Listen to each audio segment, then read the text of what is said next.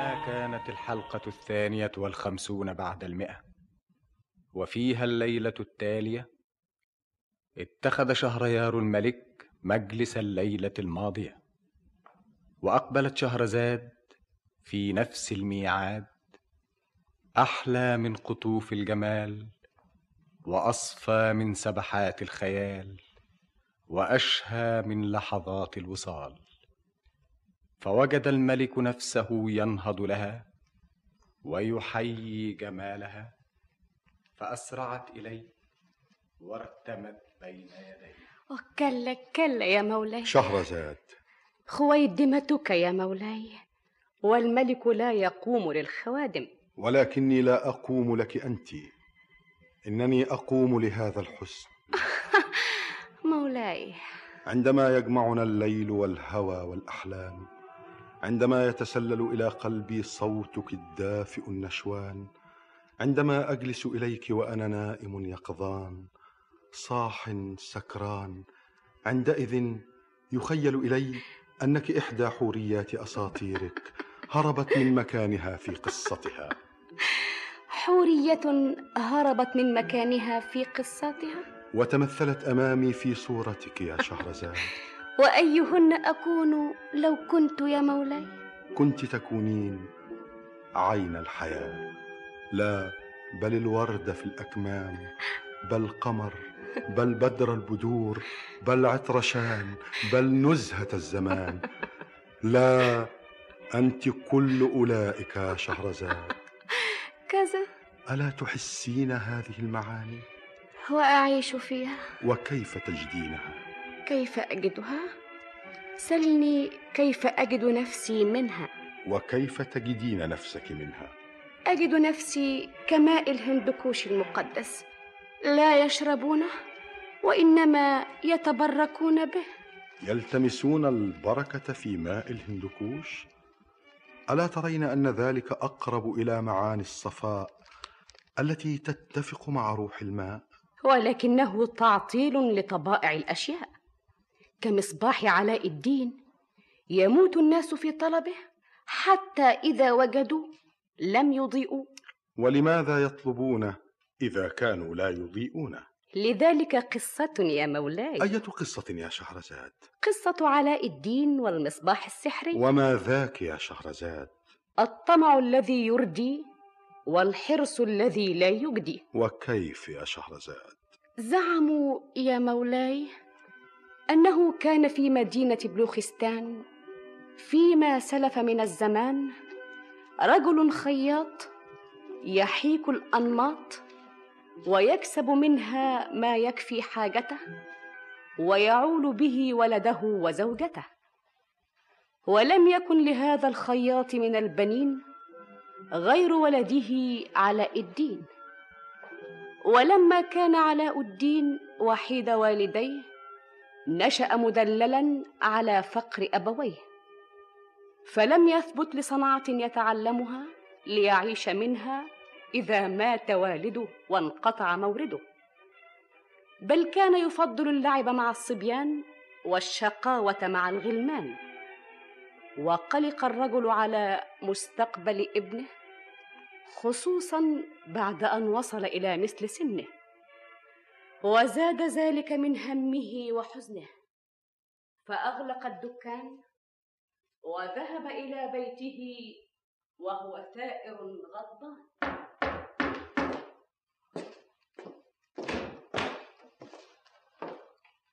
امال فين علاء الدين انت بتسألني فين؟ الولد هرب من محل النجار اهو تلاقيه بيلعب في الحارة وكمان بتقولي لي بيلعب في الحاره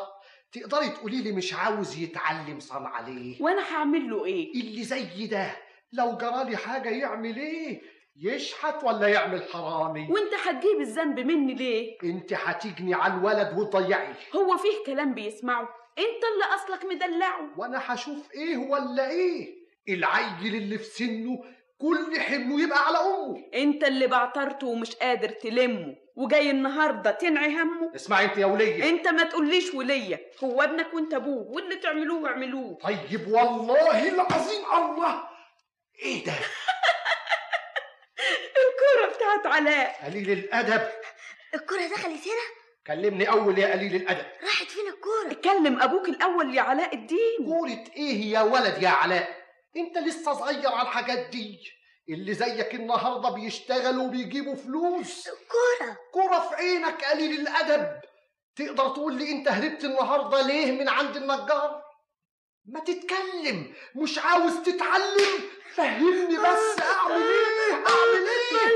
اوعى كده سيب الولد اسكت انت معلش يا ابعدي ابعدي ما تضربوش بايدك انا اجيب لك عصايه هاتي لي عصايه ليه ليه بس يا علاء ما تسمع الكلام يا ابني خلاص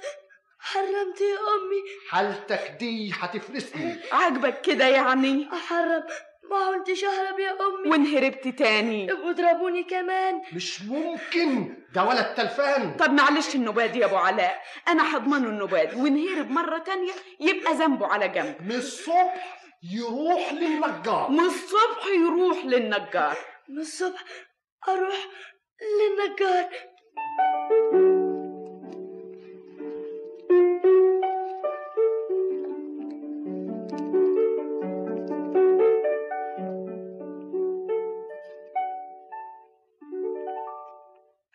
اسمع يا علاء يا ابني انا كنت بضربك وانت صغير ويا ريته كان بفايده انت فاهم ان ابوك ايه احنا يا ابني ناس فقراء على باب الله لو جرالي حاجه النهارده مش هتلاقي اكل بكره تقدر تفهمني لو مت انا النهارده تعمل ايه إيه، ربنا يطول عمرك يا ابو علاء ابنك ده هيموتني ناقص عمر الولد بيطلع زي ابوه انت مش راضي تاخدني معاك الدكان ليه انا مش عاوزك تطلع زيي انا عاوزك تطلع احسن مني لكن انا عاوز اطلع زي زيك خيار وهم الخياطين وحشين طيب يا ريت علاء يطلع زيك وانت فاهمه انه هيصمل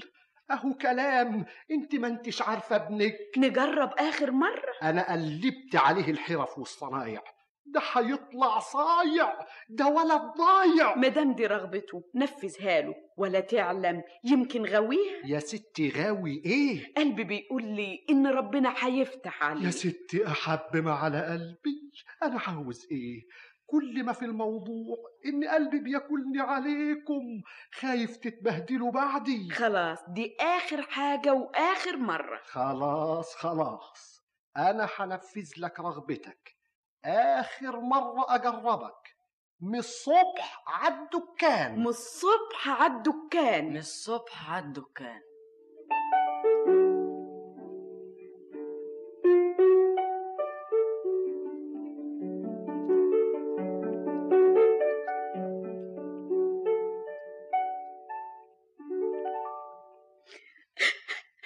ما تبكيش عليا الدنيا كده يا ام علاء مش صعب انا عليا غير علاء الدين لا في ايده صنعة ولا في جيبه مال عندكم طقمين في الدكان لسه ما تقطعوش ابقوا بيعوهم واشتروا من تمنهم فاكهة وخلي علاء يبيعها وربنا يتولاكم اللي خلقكوا مش هينساكوا ابويا علاء الدين ابويا ابويا علاء انا ما سبتلكش حاجة يا ابني حاجة واحدة هفوتها لك نصيحة هقولها لك علاء الدين احلف يمين لا تآمن خاين ولا تخون أمين أنا أموت وأنا مرتاح لو حلفت اليمين عهد ويمين لا امن لخاين ولا خون امين الحمد لله توصب امك يا علاء توصب علاء توصب بعض انتوا الاتنين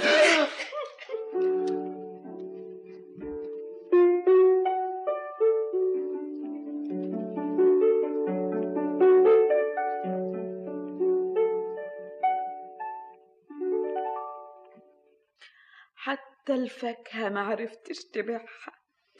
آه يا ميلة بخت فيك ده انت موت الراجل طقيق عمال ابيع في حاجة البيت قدام عينيك لما ما عادش حاجة قدامي ده انت لا بتحس ولا بتاخد لك راجع خلاص ولا لسه عاوزة تشتمي انت بقيت راجل زي الفلق اهو طب ما تخلصي هتعمل ايه اما تخلصي الشتيمة اول اقولك هعمل ايه انت طول ما انت ملموم على الهموم مفيش منك رجع مش كفاية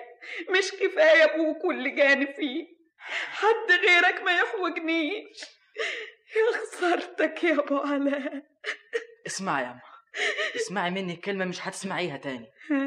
احنا لسه على الصبح اهو انا هعتمد على الله ومش هرجعلك الا لما ربنا يفرجها علاء اذا ما رجعت الكيش ما تدوريش علاء انا ليا مين ما تسيبنيش علاء علاء علاء وخرج علاء الدين وهو كاسف البال حزين وظل يضرب في شوارع بلوخستان حتى وصل الى المكان الذي كان يجتمع فيه مع الشبان وقد اجهده المشي طول النهار وانهكته الافكار وقد لبس لباس الجوع وعلى خديه آثار الدموع فلما وصل لأصحابه نكروا وأنكروا ما به وسألوه عن مصابه ثم حاولوا أن يسروا عنه وأن ينتزعوا أفكاره منه فاجتمعت الثلة وتراهنوا على ضرب الجله وفي هذه اللحظة برز لهم شيخ عجوز في يده إبريق وكوز وظل يتفرس في وجوه اللاعبين حتى وقعت عينه على علاء الدين فأسرع له مولاي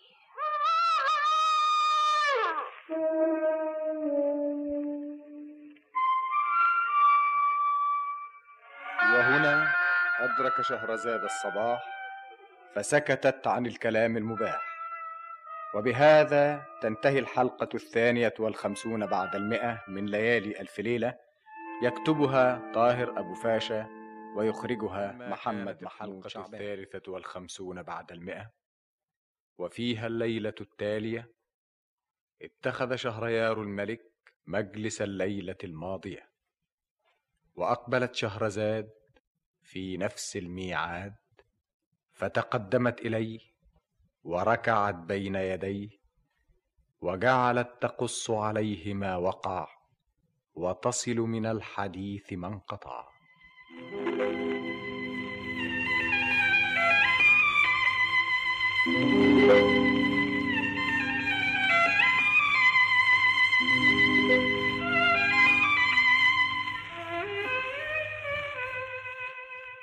بلغني أيها الملك السعيد ذو الرأي الرشيد أن الأسرة الصغيرة واجهتها ضائقة عسيرة بعد أن مات كاسبها وتواترت نوائبها وبدأت الأم تتخفف فباعت ما زاد ثم ما لم يزد ثم ما هي في حاجة إليه حتى أكلت اللحاف والإناء وعضتها الحاجة الحوجاء فوضعت همها في علاء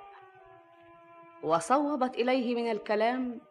ما يشبه السهام ولمست دموع الأم قلب ابنها فرفع رأسه وقال لها سوف لا أعود إلا مع الفرج وتركها وخرج وظل يضرب في شوارع بلوخستان حتى وصل الى المكان الذي كان يجتمع فيه مع الشبان فلما وصل لاصحابه نكروا وانكروا ما به وسالوه عن مصابه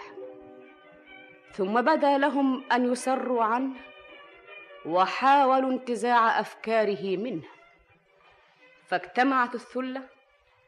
وتراهنوا على ضرب الجله وشمر المتسابقون وجعلوا يتراكدون وهم يتضاحكون لا سيبك من دي اذا كنت عاوز تنزل لي صحيح هات الكله الكبيره تجيبها كام؟ اجيبها 15 دراهم انا اجيبها 18 18 فين فين علاء انت واقف بعيد ليه انا وياكم عاوز يجيبها 18 انا سامع تجيبها انت كام لا انا النهارده هتفرج عليك تسمح يا ابني ايه م- مين الشاب اللي واقف لوحده هناك ده ده علاء علاء ايه علاء الدين ما انا عارف انه علاء الدين انا بسأل عن ابوه ابوه مين ابوه متوفى ما انا عارف انه متوفي انا بسأل اسمه ايه كان اسمه عم بهمان بالظبط آه، طب كان بيشتغل ايه آه، كان خياط مظبوط مظبوط آه، انت الظاهر عليك تعرفه كويس ده احنا اصحاب واحنا عيال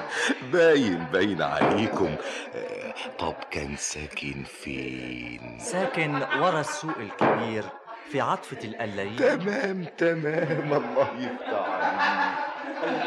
انت معانا في الرهان أيوة، ايوه معاكم واحد اثنين ثلاثة استنى ما تيجي علي المكان لا دي ما تنفعش آه. يعني عاوز تعيدها؟ اه له حق يعيد الله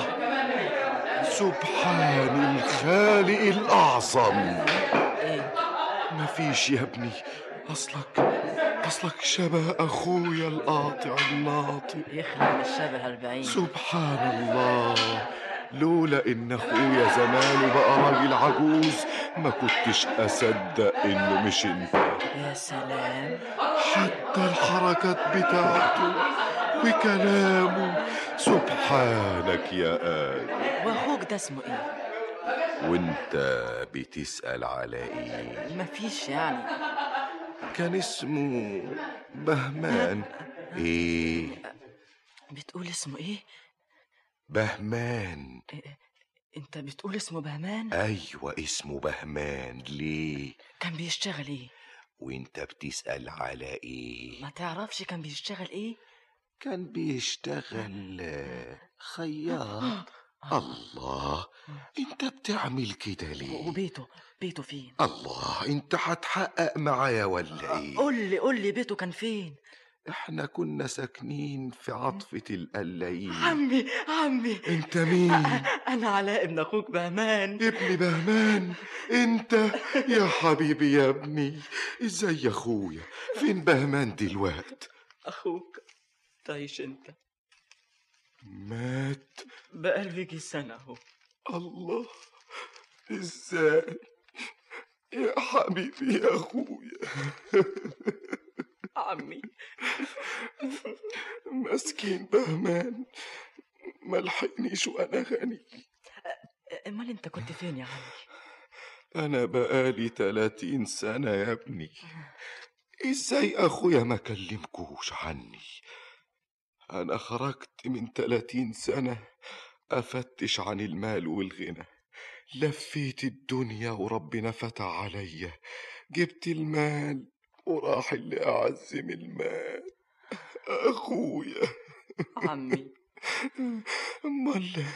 امال انتوا عايشين ازاي يا ابني الحاله وحشه موت ازاي مش لاقيين القوت وهي ايام بتفوت يا حبيبي يا ابني اسمع يا علاء إذا كان أخويا مات أنت عوض عنه خد ايه ده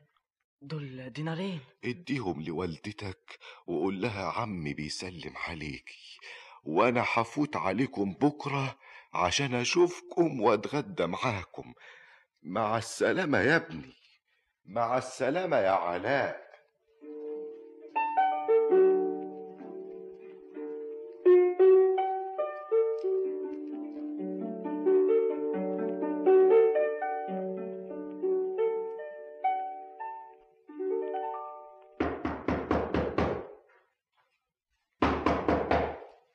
افتحي يما افتحي علاء يخص عليك يا علاء انت زعلت مني انا زعلت من نفسي انا قلت لك اني مش هرجع الا لما ربنا يفرجها ايوه و- واديني رجعت ياما يعني ربنا فرجها علينا هو ربنا بينسى حد خد ياما دول دول اتنين دينار ايوه ياما وادي علاء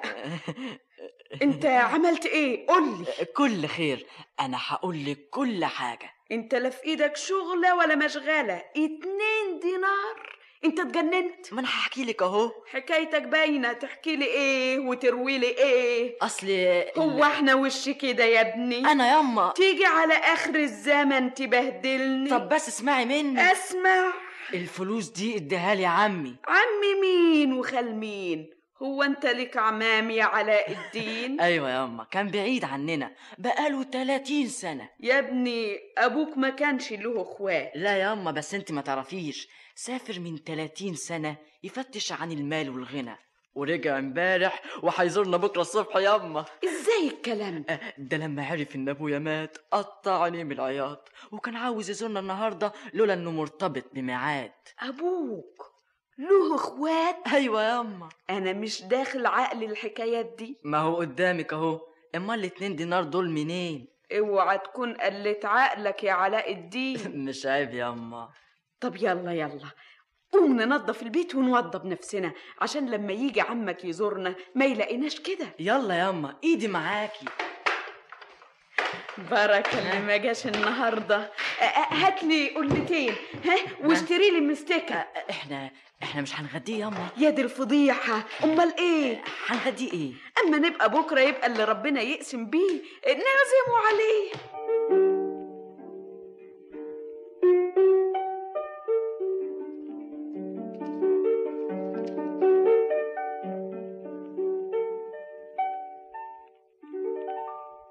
علاء الدين تعالى يا علاء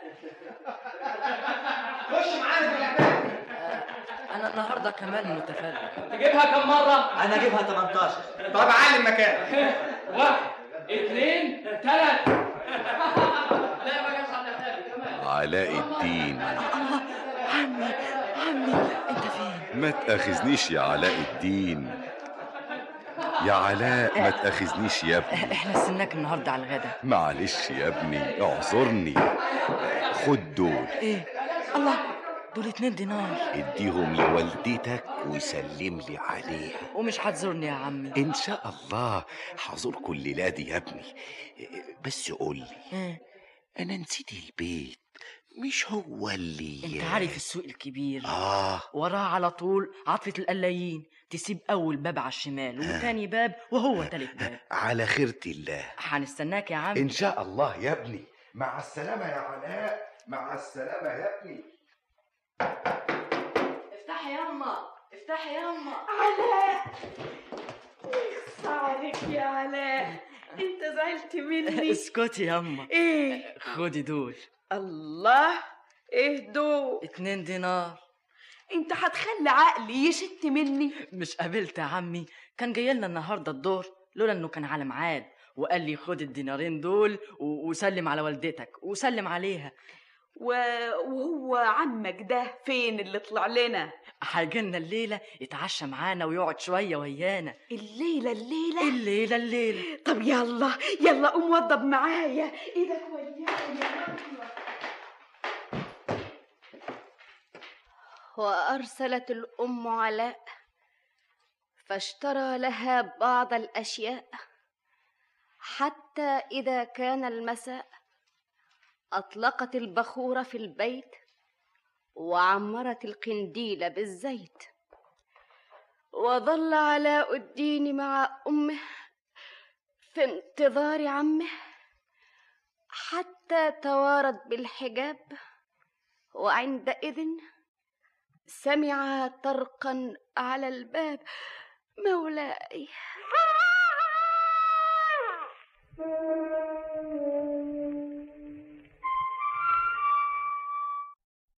وهنا أدرك شهرزاد الصباح فسكتت عن الكلام المباح وبهذا تنتهي الحلقة الثالثة والخمسون بعد المئة من ليالي ألف ليلة يكتبها طاهر أبو فاشا ويخرجها محمد كانت الحلقة الرابعة والخمسون بعد المئة وفيها الليله التاليه اتخذ شهريار الملك مجلس الليله الماضيه واقبلت شهرزاد في نفس الميعاد فتقدمت اليه وقبلت الارض بين يديه وجعلت تروي له وتقص عليه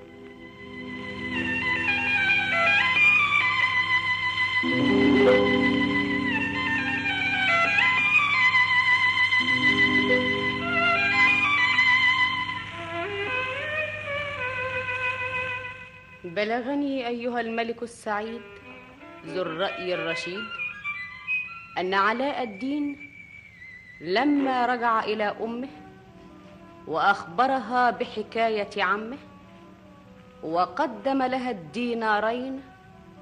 وراتهما راي العين صدقت الام حكايته وتوقعت زيارته بعد ان تكررت حكايه الدينارين مرتين في يومين متواليين وارسلت الام علاء فاشترى لها بعض الاشياء حتى اذا كان المساء رشت الماء واطلقت البخور في البيت وعمرت القنديل بالزيت وظل علاء الدين مع امه في انتظار عمه وطال بهما الانتظار داخل الدار وبدات الام ترتاب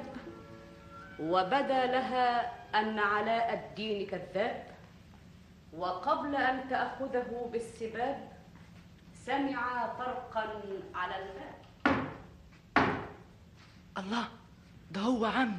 قوم قوم افتح له بالعجل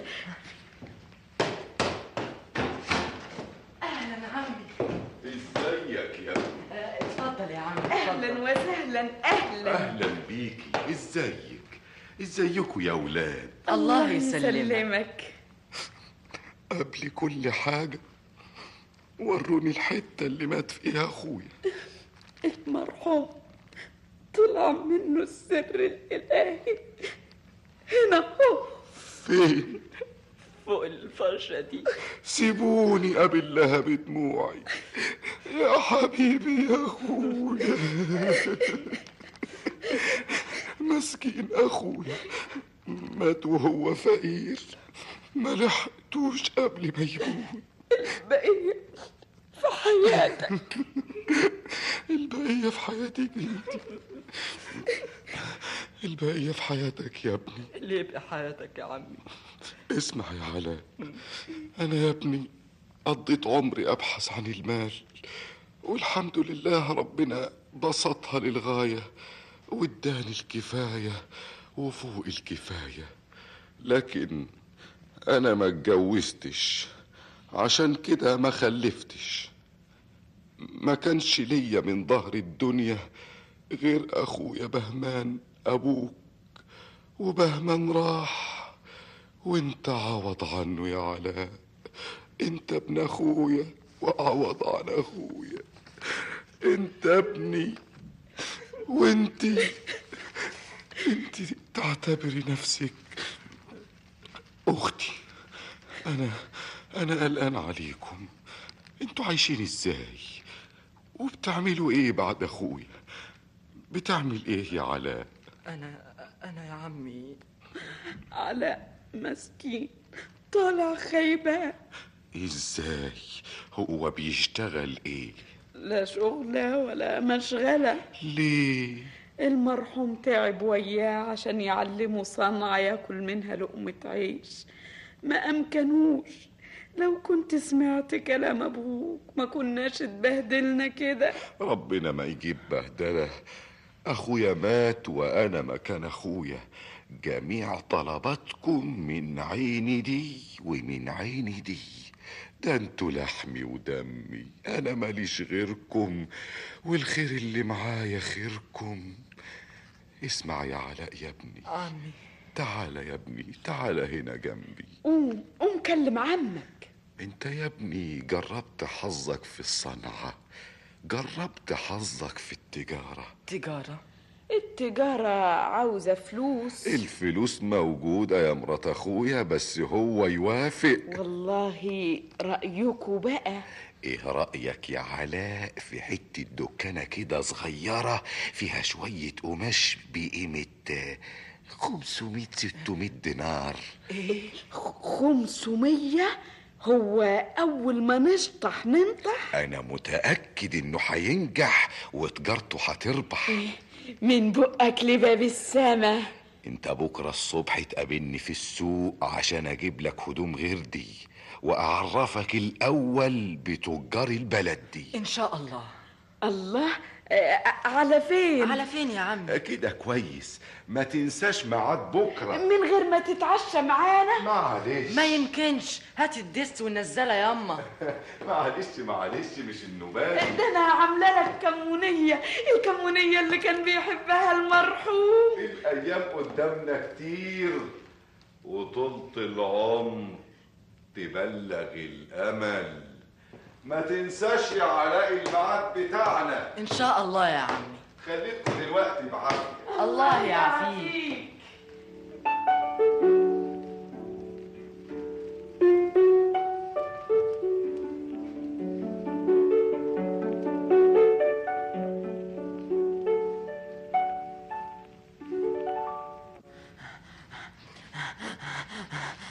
ك- كويسة الدكانة اللي فاتت دي يا عمي مش بطالة وكمان إيجارها معقول إن ما لقيناش أحسن منها هنرجع ناخدها إحنا لفينا كتير معلش نتعب شوية عشان نرتاح بعدين لكن إحنا سيبنا الدكاكين هنرجع حالا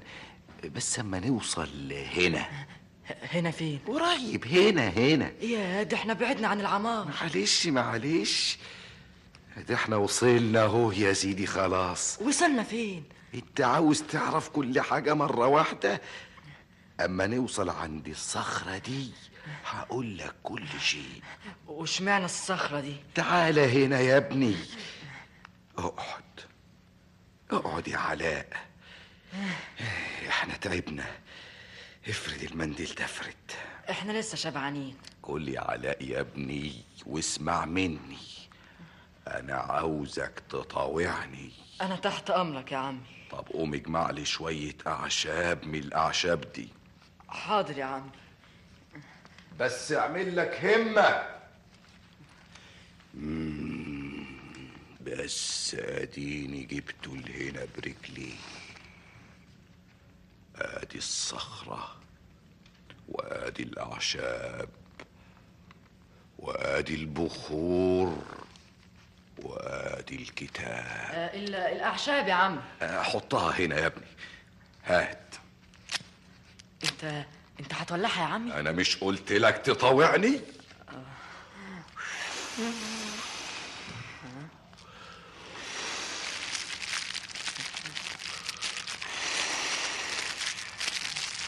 خف تخف تدور وتلف حنضل حنضل حق سمندل يظهر مندل زلزل زلزل قبل ما تنزل دمدم وتوي وانت بتهوي هيا هيا هيا عمي هيا هيا الأرض الأرض انشقت قدامنا في كهف قدامنا مس- مسدود بصخرة كبيرة وفيها حلقة نحاس شايف الصخرة دي؟ الله عمي أنت أنا إيه؟ شكلك بقى كده ليه؟ شكلك بقى مخيف آه. تعال هنا. أي. أنت أنت ما أنتش عمي اسكت. اسكت. أي. شايف الصخرة اللي قدامك دي؟ أيوه أيوه شايفها قدم ومد إيدك ارفعها أنا أيوة أنت يا وهو في حد يقدر يرفعها مفيش حد غيرك يقدر يرفعها و- وبعد ما ارفعها هتلاقي تحتها قصر وفيه صالة كبيرة فيها مصباح والع تتقدم وتاخد المصباح تطفيه وتدلق الزيت اللي فيه و- وبعدين تجيبه وتيجي على طول مد قدامي طيب طيب يا عم رهبان طيب ارفع الصخرة بإيدك اخوانا حد يقدر يرفع دي دي زي الجبل شدها من الحلقة النحاس آه، ها، الله دي طلعت في ايدي دي خفيفة خالص الله القصر اهو انزل هات المصباح انزل طب طب صحتني لما انزل ما تقدرش تنط هات ايدك عم الهدان ما تضيعش وقتك ادخل هات المصباح وتعالى حنظل حنظل حق سمندل يظهر مندل زلزل زلزل قبل ما تنزل دمدم وانتوي وانت بتهوي عم الهدان عم الهدان جبت المصباح ايوه هات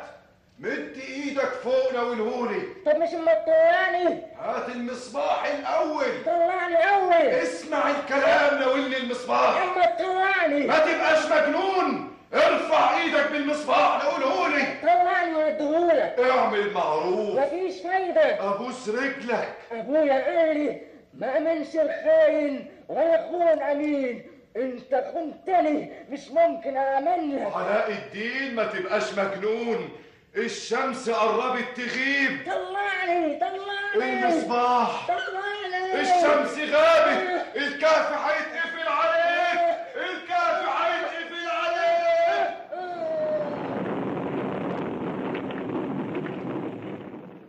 وانقفل الكهف على علاء الدين واصبح تحت الارضين بين سجين وبين دفين ولما زالت الدهشه وخف وقع الصدمه فتح عينيه ونظر حواليه فراى ما لمح مولاي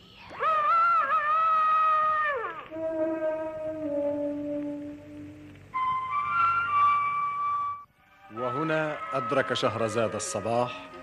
فسكتت عن الكلام المباح وبهذا تنتهي الحلقة الرابعة والخمسون بعد المئة من ليالي ألف ليلة يكتبها طاهر أبو فاشا ويخرجها الحلقة الخامسة والخمسون بعد المئة وفيها الليلة التالية اتخذ شهريار الملك مجلس الليلة الماضية وأقبلت شهرزاد في نفس الميعاد فسلمت احسن سلام وجعلت تستانف الكلام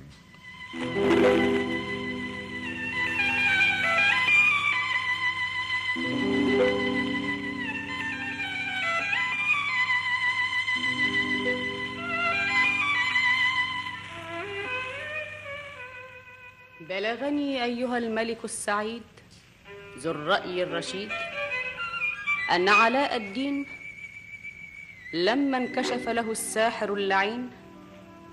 وعرف انه ليس عمه وانه لا عهد له ولا ذمه وانه انما كان يجري وراءه ليحاول اغراءه حتى يفتح الكهف السري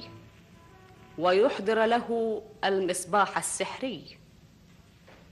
وارغمه الساحر على النزول فنزل الكهف وهو مذهول حتى اذا احضر المصباح وقف في قاع الكهف وصاح حتى ينتشله الساحر ويخرجه من هذه المخاطر وصدق علاء الدين ظنونه وعرف ان الساحر يريد ان يخونه فوقف بارادته دونه وابى ان يناوله المصباح المسحور الا اذا اخرجه من الكهف المهجور وطال بينهما الاخذ والرد والعرض والرفض واحدهما فوق الارض والاخر تحت الارض حتى مالت الشمس للمغيب وعندئذ سمع دوي رهيب وانقفل الكهف على علاء الدين واصبح تحت الارضين بين سجين وبين دفين يبكي بالدمع السخين ويكلم نفسه كالمجانين الله المغارة انقفلت والصخرة رجعت يا اللي فوق يا اللي فوق آه. محدش سمعني الملعون حبسني أعمل إيه؟ أروح فين؟ أجي منين؟ أنا أنا أنا فين أول؟ إيه القصر ده؟ يا سلام ده أنا ما كنتش واخد بالي شجر طارح لؤلؤ مين يصدق بستان كل طرحه لولي ومرجان سبحانك ما أعظم شانك شجر عيدانه ذهب أصفر والورق بتاعه زبرجد أخضر وطارح ياقوت أحمر دي حاجة تحير دهب دهب ولؤلؤ وياقوت وأنا مش لاقي القوت من الجوع راح أموت يا سلام اللؤلؤ على إيد على إيد لؤلؤ إما مد إيدي أقطف لي عنقود ها؟ بسم الله الرحمن الرحيم خدامك قدامك يطاوع كلامك يحقق مرامك مأمور بالطاعة في الوقت والساعة أنت مين؟ أنا خادم شجر اللولي أسمع اللي تقولهولي بص بعينيك انظر حواليك شوف قدرة الواحد واطلب مني طلب واحد أطلب أطلب منك طلب واحد وأنا كمان هطلب منك طلب واحد أنت أيوة أنا تطلب مني إيه؟ أطلب منك العنقود اللي قطفته عنقود اللولي اعمل معروف اديهولي اعمل معروف رجعهولي تعمل بيه إيه؟ ارجعه تاني في مكانه على الغصن بتاعه ده الطلب بتاعك ده الطلب الوحيد ماليش طلب تاني ولو اديت لك عنقود اللولي إيه اللي تعملهولي؟ زي ما طلبت منك طلب واحد ليك تطلب مني طلب واحد أي حاجة أطلبها منك تلاقيها قدامك في وقتك وساعتك تقدر توديني قدام بيتنا دلوقتي أهو اوديك قدام بيتك في غمضة عين طب يلا وريني طب يلا اديني إيه؟ عنقود اللولي آه آه اتفضل أدي عنقود اللولي هات. آه. يلا بقى استنى ما نرجع العنقود مكانه على اغصانه اللولي على الاغصان بينور في البستان ما مستوش شد انسان الله اهو العنقود رجع مكانه على اغصانه شوف يا انسان شوف يا انسان أيوة أيوة شايف شوف الجمال الفتان تبارك الرحمن أنا دلوقتي نفذت لك طلبك وانا كمان هنفذ لك طلبك انا هخرجك من السجن ده واطلعك فوق الارض عاوز أخرج من هنا دي حاجه هينه قدام باب بيتنا غمض عينك وفتحها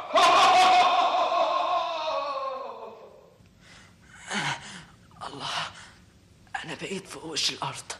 راح فين الخادم بسم الله الرحمن الرحيم أنا خرجت من الكهف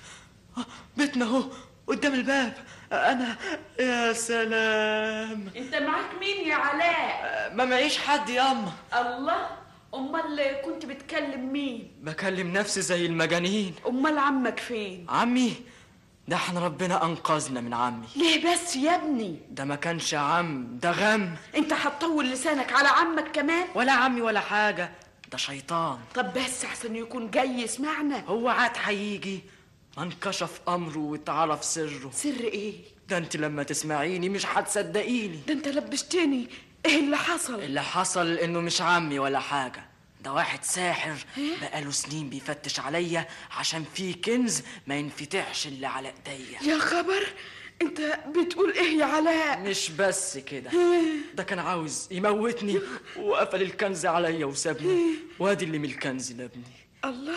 ده ده مصباح قديم اه وجايبه ليه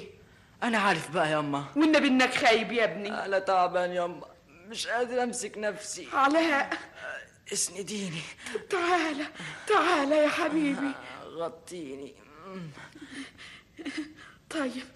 ربنا يأذيه اللي كان منه السبب لو كنا نعرف كده ما كناش ضيعنا القرشين الاربع دنانير ياما أنا كنت عارفة إنه ساحر أنا كنت فاهمة إنه عمك هيشيل همي وهمك بقى أنت هتفضل كده خيبان يا علاء مش يا ابني تشوف لك شغلانة ولا احنا دلوقتي في الاكل ولا في الشغل ما هو الشغل هو اللي يجيب الأكل أنا ما عدتش تحت إيدي حاجة أبيع البيت بقى السقف والدك أبيع إيه مش لاقية حاجة أنت اسمع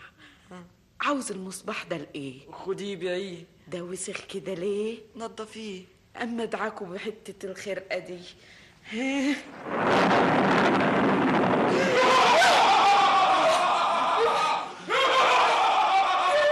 بسم الله الرحمن الرحيم يا يا يا يا ساتر يا رب لبيكي لبيكي كافة ما تطلبيه بين ايديك انتوا عرفتوا سري ودعكتوا المصباح السحري ايه تطلبوه مني كلمه انت يا ابني احنا احنا جعانين جعانين آه.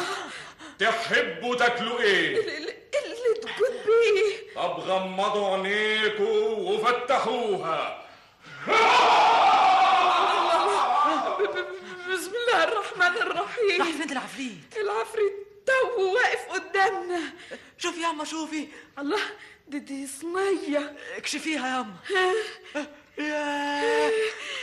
ده يا علاء شوفي الاطباق دول فضلت بقى دول ولا ايه اما اما ناكل اول وبعدين نعرف هما ايه مدي ايدك مدي ايدك تعالي الله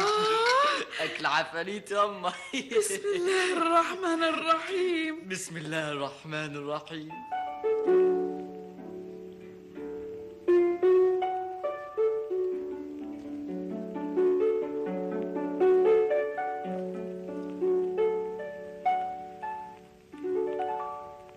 شفت يا علاء الدين جعانين جالك كلامي ادي احنا بعنا الاطباق وبعنا الصينيه وطار تمنهم من ايدينا على كل حال ربنا مش هينسانا انت هتفضل كده خالي شغل يا علاء انت كل ما نحتاج تكلميني على الشغل احنا في ايه ولا في ايه اللي ما في قدامنا حاجه اللي ما في قدامنا حاجه نبيعها ابدا انا جعان يا أم. ما تيجي نبيع المصباح ده انت كنت عملتي فيه ايه النوبه اللي فاتت انا دعكته راح بسم الله الرحمن الرحيم طلع لي طب ما تيجي ندعكوا تاني ولما يطلع لنا العفريت نقول له يجيب لنا اكل فين هو اهو آه، يلا يلا ادعكيه انا آه، طب ندعكوا سوا مليشان اهو قدامك ادعكوا انت انا حتى هخرج بره استنى يا أم هاتي اهو قدامك اهو آه. بسم الله الرحمن الرحيم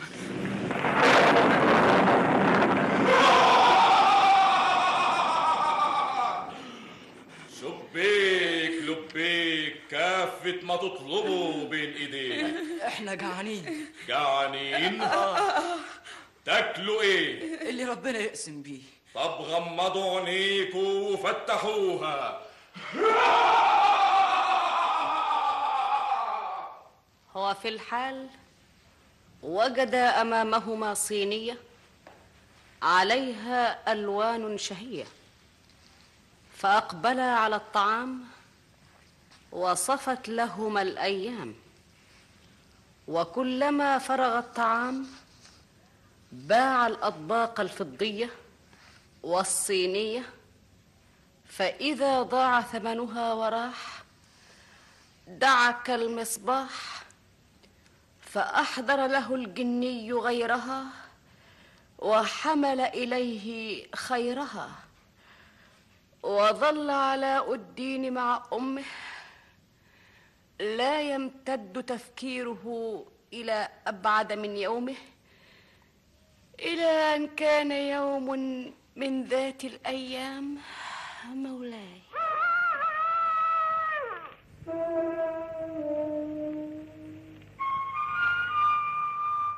وهنا أدرك شهرزاد الصباح فسكتت عن الكلام المباح وبهذا تنتهي الحلقة الخامسة والخمسون بعد المئة من ليالي ألف ليلة يكتبها طاهر أبو فاشا ويخرجها الحلقة السادسة والخمسون بعد المئة وفيها الليلة التالية اتخذ شهريار الملك مجلس الليلة الماضية وأقبلت شهرزاد في نفس الميعاد فقام الملك إليها وأخذ بيديها وأجلسها في مكان القبول وجعل يصغي لها وهي تقول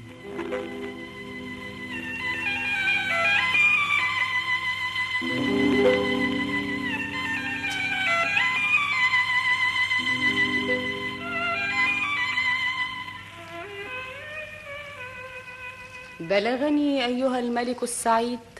ذو الرأي الرشيد أن علاء الدين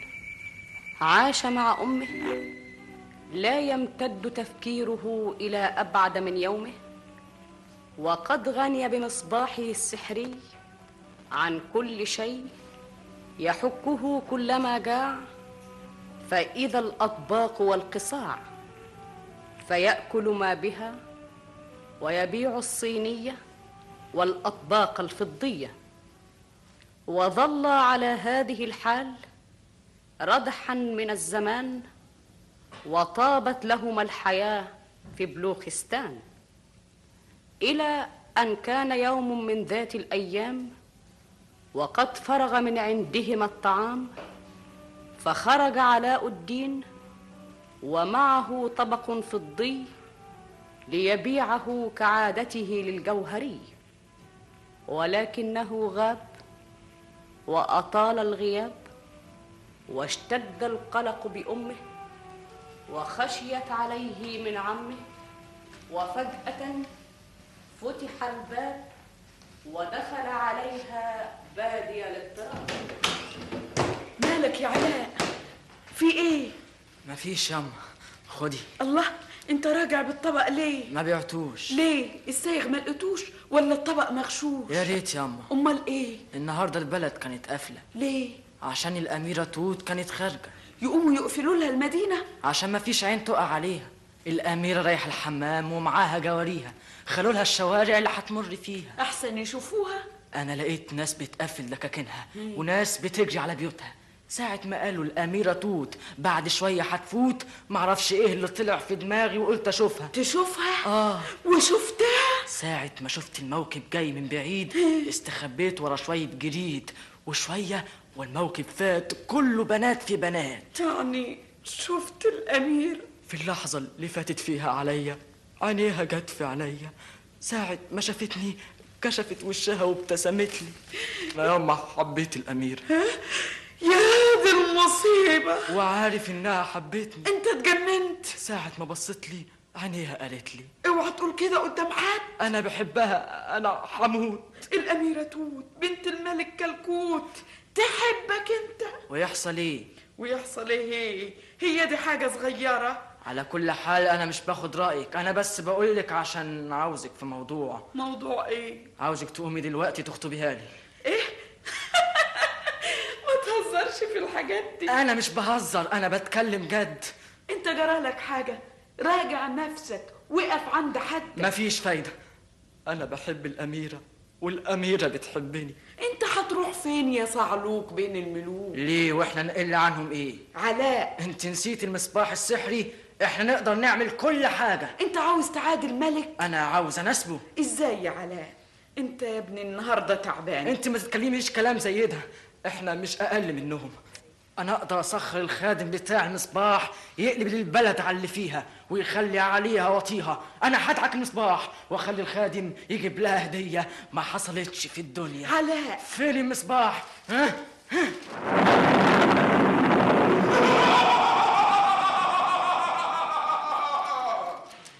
شبيك لبيك كافة ما تطلبه بين ايديك انت عارف الشجر اللي بيطرح لولي الشجر اللي بيطرح لولي ما يوجدش الا في بستان الجواهر انا عاوز تقطف منها عنقود لولي وفي طبق دهب تجيبهولي انما ده يموت خادم شجر اللولي شوف لك طريقه انا عاوزك تجيبهولي خلاص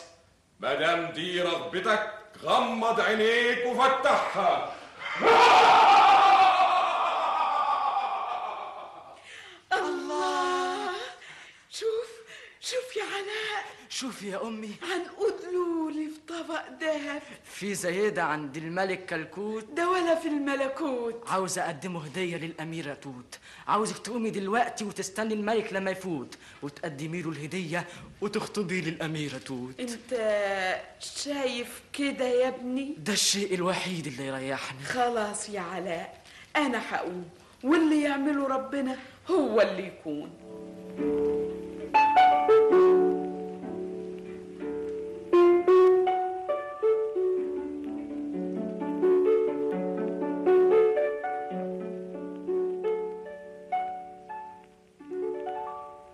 آه، أنت ليه غبت عليا؟ الله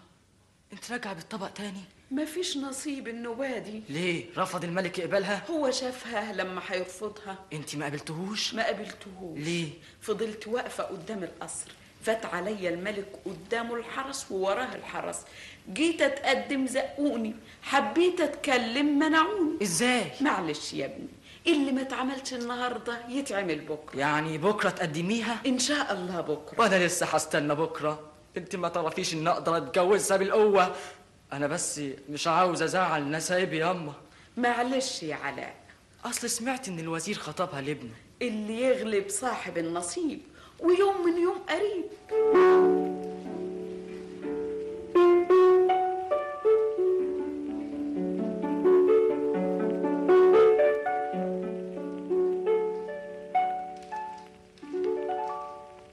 مولانا الملك كلكوت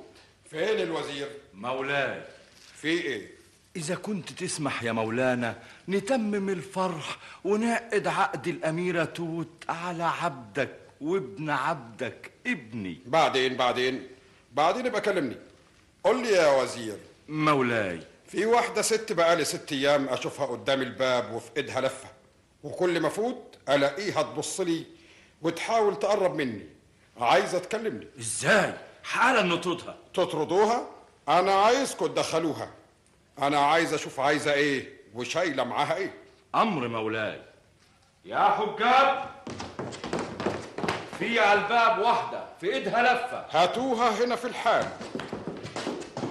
إذا كنت تتعطف يا مولانا أنت وعدت عبدك وابن عبدك تديله الأميرة توت قلت لك بعدين بعدين أصله مسكين حيموت مولاي تعالي هنا يا ست انت ربنا يديم عزك ويعز جاهك انت بقالي ست ايام اشوفك قدام الابواب انت عايزه حاجه متظلمه من شيء في ايه أنا يا مولاي شايلالك هدايا هدايا هدية ولو إنها مش قد مقامك فين هي الهديه اتفضل يا مولانا يا الله شوف يا مولانا دي حاجة ما حزهاش ملك ولا سلطان جبتيها منين دي يا أمي؟ دي بتاعت ابني وهو اللي بعتني ابنك مين؟ علاء الدين علاء الدين مين؟ دي حاجة عظيمة دي حاجة ملهاش نظير ده شيء ملوش وجود في الوجود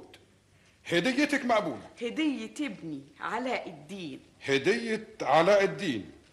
وعايزة ايه مقابلها؟ أنا يا يا اطلبي ما تشائي وتنولني مطلوبي ونولك مطلوبك أنا أنا أنا أطلب اطلبي أطلب إيد الأميرة توت إيه؟ لمين؟ لابني علاء الدين ابنك يتجوز الأميرة أنت يا حقيرة يو طب أنا بكلم مولانا وش دخلك أنت معانا سامع يا مولانا إذا كنت أنا في نظرك حقيرة إنما ابني مش حقير ده شيء كتير اسكت انت يا وزير انت يا مولانا تعرف دي مين احنا عارفين مين علاء الدين انا ما سمعتش بيه ولا انا يا مولانا ازاي ما اعرفوش انا شخصيا ما شفتوش وايه اللي تشوفه لكن انا هاخد الراي منك وانت خاطب الاميره لابنك طب بلاش نفصل في الموضوع اديلها مهلة يا مولانا قد ايه آه، تلات شهور نوضف فيها الأمور انا موافق اسمع يا ست تقدر تبلغي علاء الدين ان انا موافق مبدئيا على الجواز وعايزه يستنى ثلاث شهور عليا وانا قبلت الهديه ربنا يعزك ويديم عزك ويعلي مقامك ويرفع أعلامك ويطول عمرك ويسعد أيامك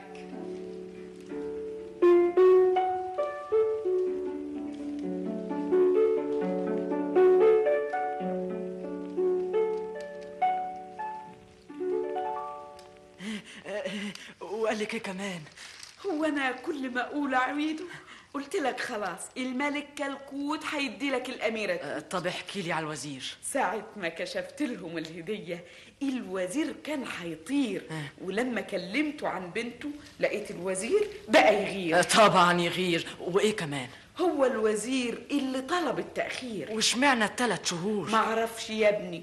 هو وسوس للملك والملك قال لي انا خايف من الوزير ده ياما وانا كمان خايفة منه والعمل ايه ياما قدامنا المهلة بس أنا خايفة من ايه بيتهيألي إن الوزير هيلعب بديله لو الوزير لعب بديله انا هوريله طول بالك يمكن ظالمينه هما ما يعرفوش سري ما يعرفوش المصباح السحري انا مش هكلمه انا اقدر احطمه الايام بتدور وبيني وبينهم ثلاث شهور بيني وبينهم ثلاث شهور ومرت الأيام بالعجل وحل الأجل ومرت ثلاثة الشهور وكأنها ثلاثة دهور ونزل علاء الدين ليشتري الهدايا والعطور فإذا المدينة غارقة في النور والناس في فرح وسرور واقترب من الجماهير فأخبروه أن الأميرة توت بنت الملك كلكوت قد تزوجت من ابن الوزير وعندئذ مولاي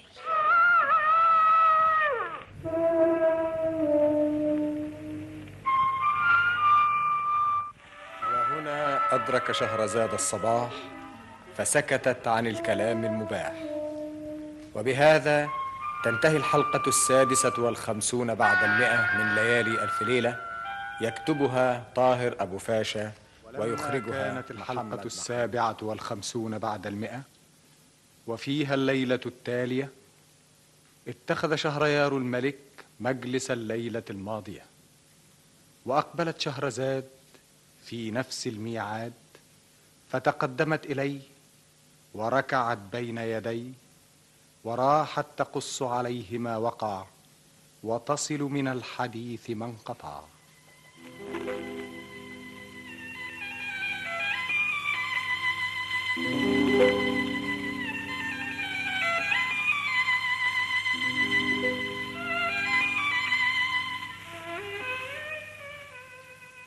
بلغني أيها الملك السعيد ذو الرأي الرشيد أن أم علاء الدين ظلت تتردد على أبواب القصر ستة أيام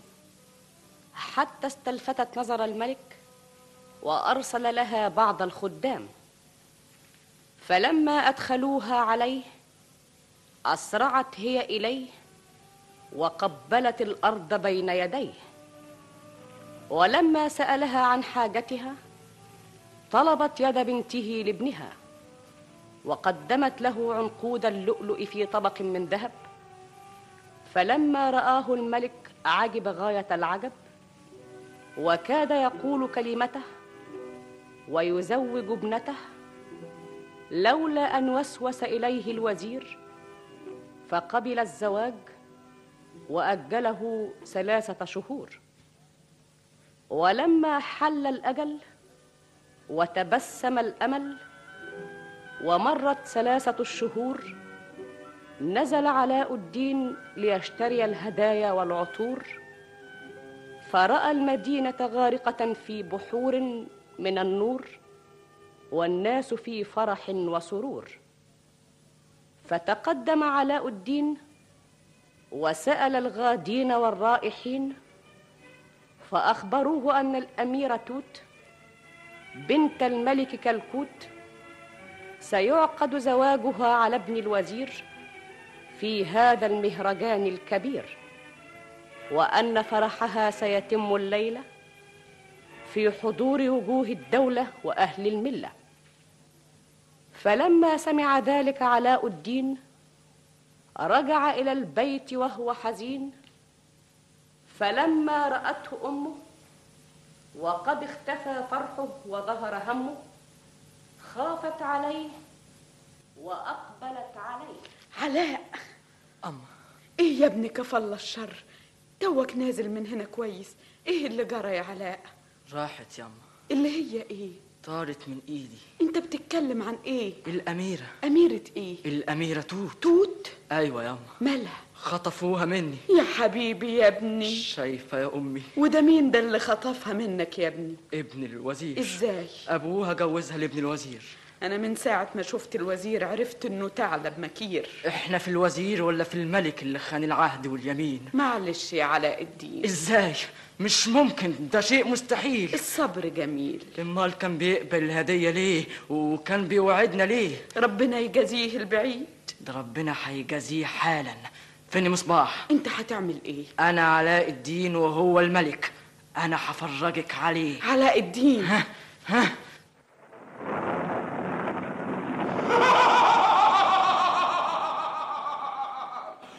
لبيك لبيك كافة ما تطلبه بين ايديك الليلة دي هيتم فرح الأميرة توت بنت الملك كلكوت وعاملين مهرجان كبير عشان هيجوزوها لابن الوزير عاوزك تستنى عليهم لما يتم الفرح وينتهي الاحتفال والناس تروح ويفضل العريس والعروسة لوحدهم في اللحظة دي تروح مادد ايدك خاطفهم وبعد ما اخطفهم تجيبهم وبعد ما اجيبهم تقف على الباب بصفة حاجب من الحجاب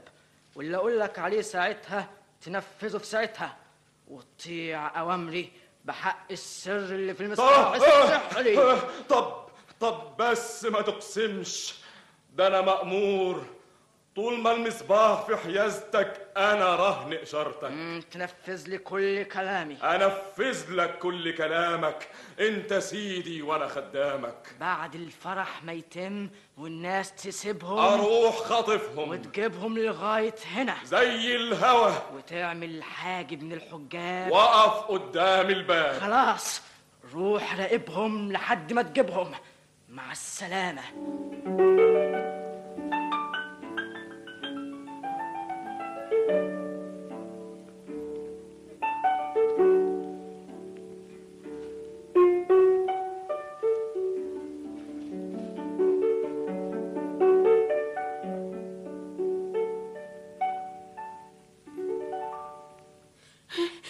أشيمة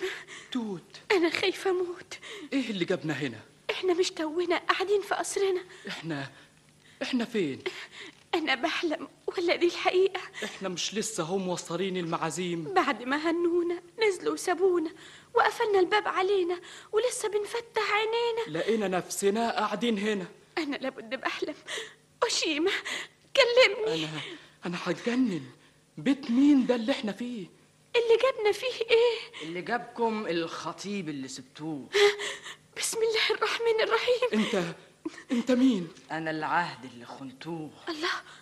أنا شفتك قبل كده مرة فين فين وانا شفتك قبل كده مره شفتيه فين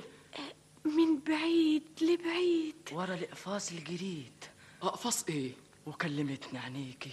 ايه وجذبتني اليكي انت بتقول إيه؟ ايه ورحت لابوكي ووعدني بيكي انت مجنون اقعد يا وشيمة احنا عاوزين نخرج من هنا دلوقتي حالا اقعد يا وشيمة انت تقدر تمنعني اذا كنت عاوز تخرج اتفضل اخرج يلا يا توت وانت مالك ومال توت انا مالي ازاي انت ما تبصلهاش بعينك يبقى السيف بيني وبينك مكانك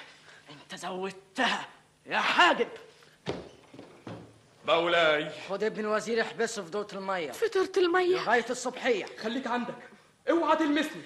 بقول لك خليك عندك أشيمة خليك عندك بقول لك خليك عندك انا هقتلك هقتلك دمك في رقبتك خد خد أشيمة أشيمة الخنجر ما بيعوروش ما بيجرحوش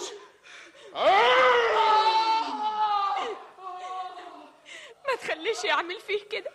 شوف زيه زي لغاية الصبحية في دورة المية أنت دلوقتي عاوز مني ايه عاوز سلامتك انا بس كنت جايبك عشان الحقك قبل ما يميل بختك انت الصبح هتلاقي نفسك في قصرك تصبحي على خير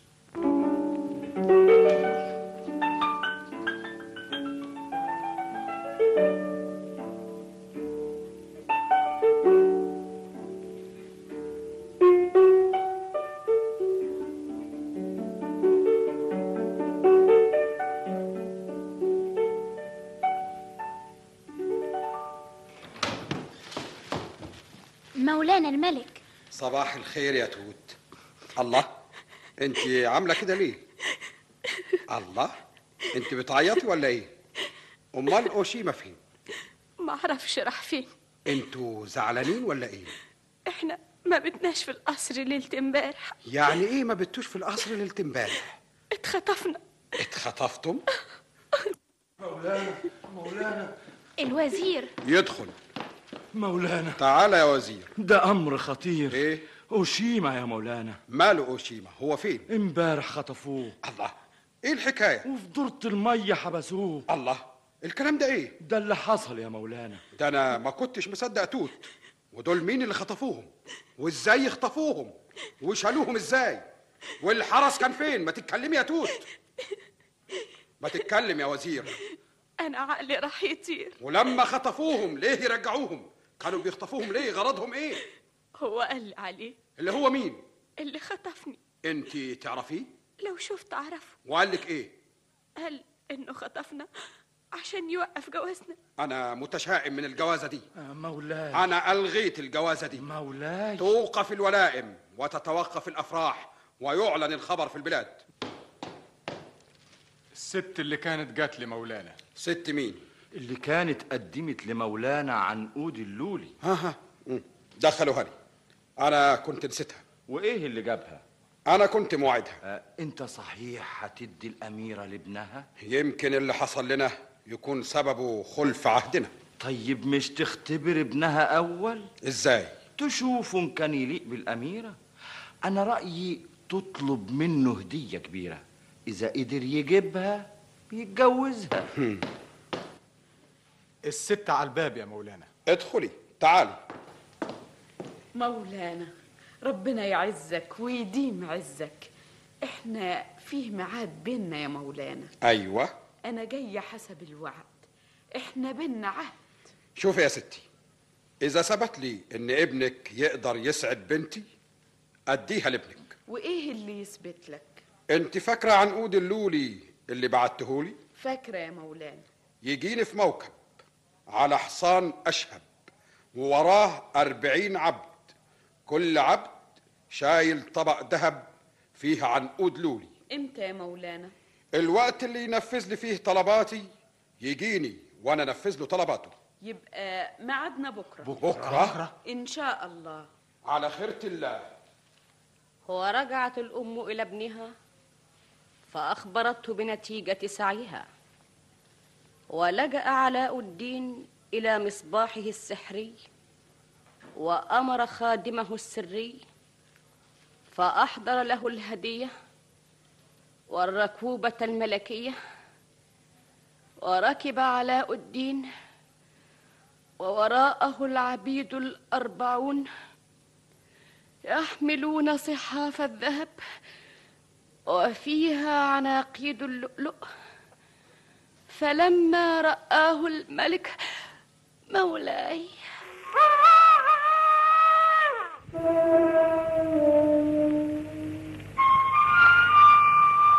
وهنا أدرك شهرزاد الصباح فسكتت عن الكلام المباح وبهذا تنتهي الحلقة السابعة والخمسون بعد المئة من ليالي ألف ليلة يكتبها طاهر أبو فاشا ويخرجها محمد محمود شعبان ولما كانت الحلقة الثامنة والخمسون بعد المئة وفيها الليلة التالية اتخذ شهريار الملك مجلس الليلة الماضية وأقبلت شهرزاد في نفس الميعاد فمد الملك إليها يديه وأجلسها إليه وجعلت تروي له وتقص عليه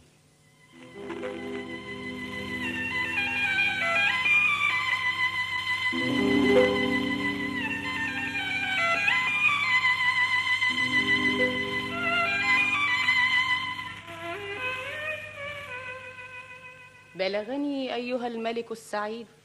ذو الرأي الرشيد أن علاء الدين تجاهل ما وقع الأميرة توت وأرسل أمه إلى الملك كلكوت ليستنجزه في وعده وتسأله الوفاء بعهده وعمل الملك بنصيحة وزيره وأمعن في تدبيره فطلب عناقيد اللؤلؤ في صحاف الذهب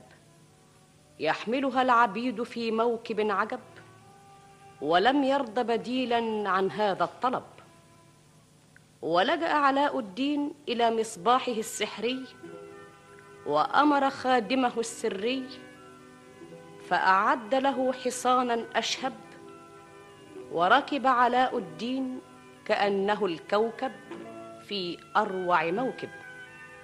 ووراءه أربعون من المماليك على رأس كل مملوك طبق من الذهب فيه عنقود كبير من اللؤلؤ وسار هذا الموكب العجيب في شوارع بلوخستان فتجمع الخلق من كل مكان ووقفوا يتفرجون وهم من الدهشه جامدون حتى انتهى الى ساحه القصر وفتحت الابواب وتصايح الحجاب واسرع الملك لمقابلته في وجوه مملكته فلما رآه علاء مقبلا عليه ترجل عن جواده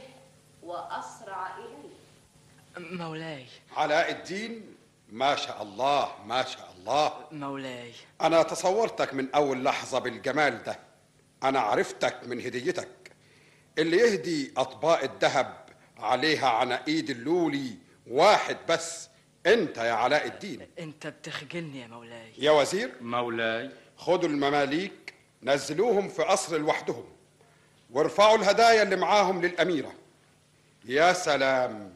أربعين مملوك على راس كل مملوك طبق ذهب في قلبه عنقود لولي دي ما حصلتش دي حاجة ما فيش زيها عشان الأميرة ما فيش زيها ارفعوا الهدايا للأميرة اتفضل اتفضل يا علاء الدين تعال يا ابني قول لي أ- أيوة ازاي يا ابني احنا ما نعرفش بعض بس ما كانش في ظروف المفروض ان ناس كبار زيكم لابد اعرفهم ويعرفوني احنا مش كبار فضك من التواضع ده ده مش تواضع دي الحقيقة فضك من الكلام ده انت متنكر ليه والدك مين وهو فين والدي تعيش انت يا مولانا ربنا يرحم الجميع كان اسمه ايه يا علاء الدين كان اسمه بهمان بهمان ايوه بهمان مفيش امير بالاسم ده ما هو ما كانش امير امال كان ايه كان خياط ايه كان خياط الا كان خياط تعرف انك ظريف آه، الحمد لله مش تبقى عجيبة لما الملك يجوز بنته لواحد ما يعرفش شيء عنه؟ اسمع يا علاء الدين أنا يا ابني قلبي مال إليك أنا هجوزك بنتي وهسكنك معايا في قصري كل اللي قلته جميل يا مولاي ده كان منايا بس النقطة الأخيرة نقطة إيه؟ أنا عاوز أستأذن مولاي عشان أبني للأميرة قصر عالي جنب قصرك أنت عايز تأخر الزواج لما تبني لها قصر؟ وإيه اللي أخر الزواج؟ مولاي رفعتوا الهدايا للأميرة؟ رفعناها يا مولاي اسمع يا وزير مولانا أنتوا رفعتوا الزينة؟ لسه هنصدر الأمر للمدينة ما تصدروش أوامر سيبوا الأفراح الأفراح ما تغيرتش اللي تغير الأشخاص فين الأمين؟ فين المشير؟ اشهدوا يا أهل الديوان إني زوجت بنتي الأميرة توت بما لي عليها من حق الولاية إلى الأمير علاء الدين مبارك مبارك يا وكالة مبارك يا أمير مبارك مبارك يا أمير الله جرى إيه يا توت؟ أمال فين الهدايا؟ وهي دي مسألة ماليش شأن بيها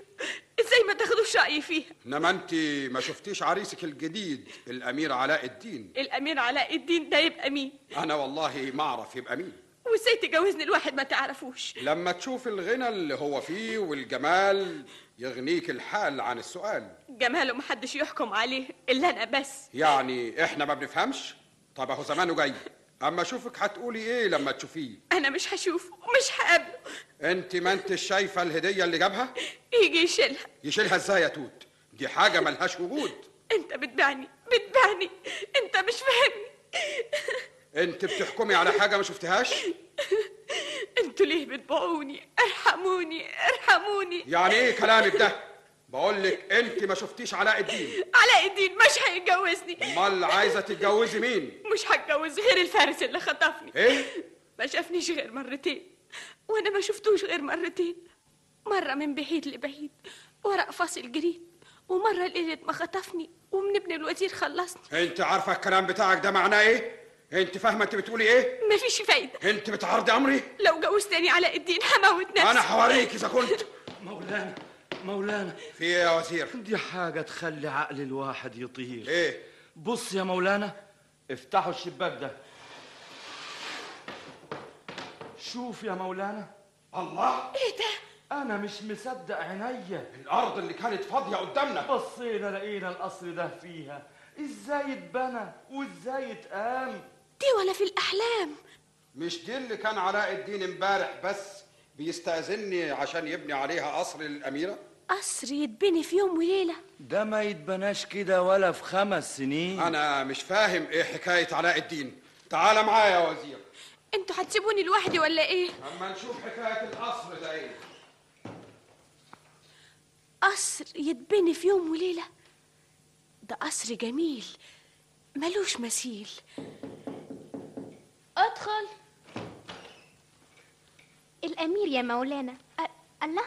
لا مؤاخذة يا مولاتي أنا كنت فاهمة إن هنا مولانا فجبت الأمير معايا أمير مين؟ السلام يا مولانا ال- الله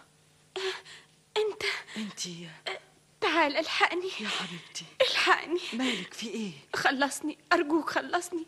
ابويا الليله ناوي يجوزني ايه انت قبل كده خلصتني انت بتقولي ايه ده احنا انتهينا خلاص ازاي هيديك لمين هيديني الواحد امير وانا كلمته عنك كتير اسمعي يا توت انا بحبك وعشان حبك اكرمت ابوكي ابوكي خان العهد معايا مرتين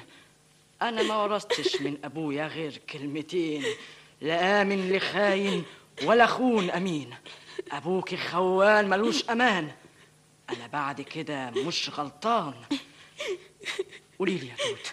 انت بتحبيني قلبك يقول لك يا حبيبي تهربي معايا يا توت اهرب معاك وادوق الفقر وياك طب يلا قومي اخد هدومي ولا هدوم ولا حاجة تعالي ننفد احنا بحبنا تعالي معايا طب تعالى من هنا احسن يشوفنا هاتي ايدك يا دود امشي انت ورايا ما تبكيش يا حبيبتي ما تخافيش يا توت انا لوحدي اقوى منهم كلهم الباب ده نخرج منه على الجنينه تعالي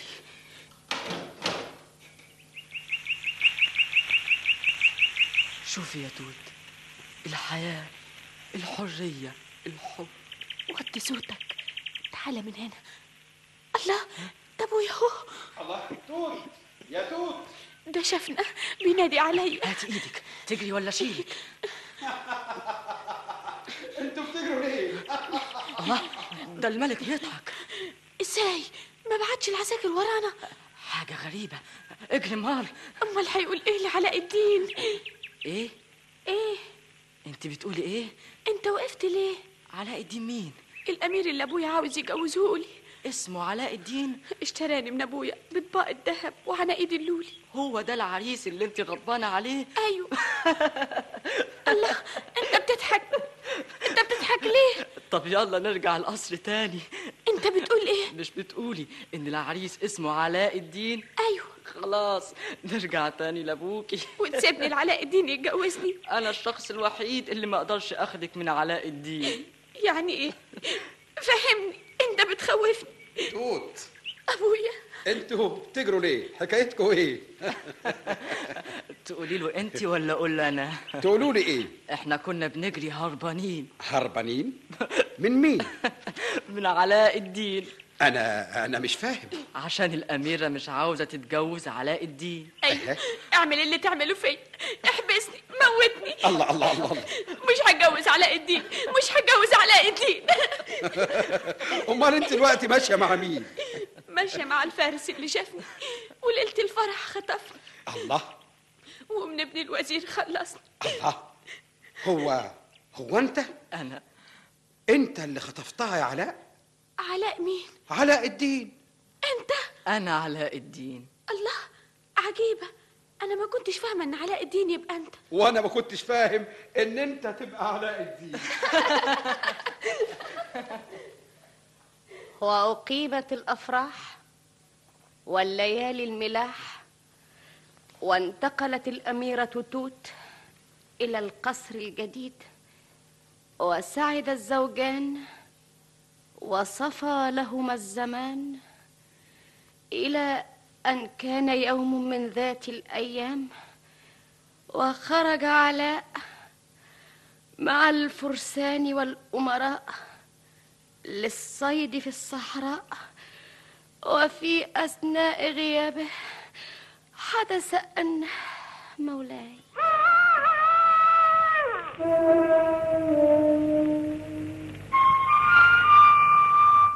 وهنا أدرك شهرزاد الصباح فسكتت عن الكلام المباح وبهذا تنتهي الحلقة الثامنة والخمسون بعد المئة من ليالي ألف ليلة يكتبها طاهر أبو فاشا ويخرجها الحلقة التاسعة والخمسون بعد المئة وفيها الليلة التالية اتخذ شهريار الملك مجلس الليلة الماضية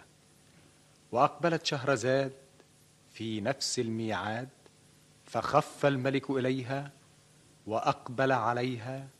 وهي تطرق قلبه المنهوم بصوتها الدافئ المنغوم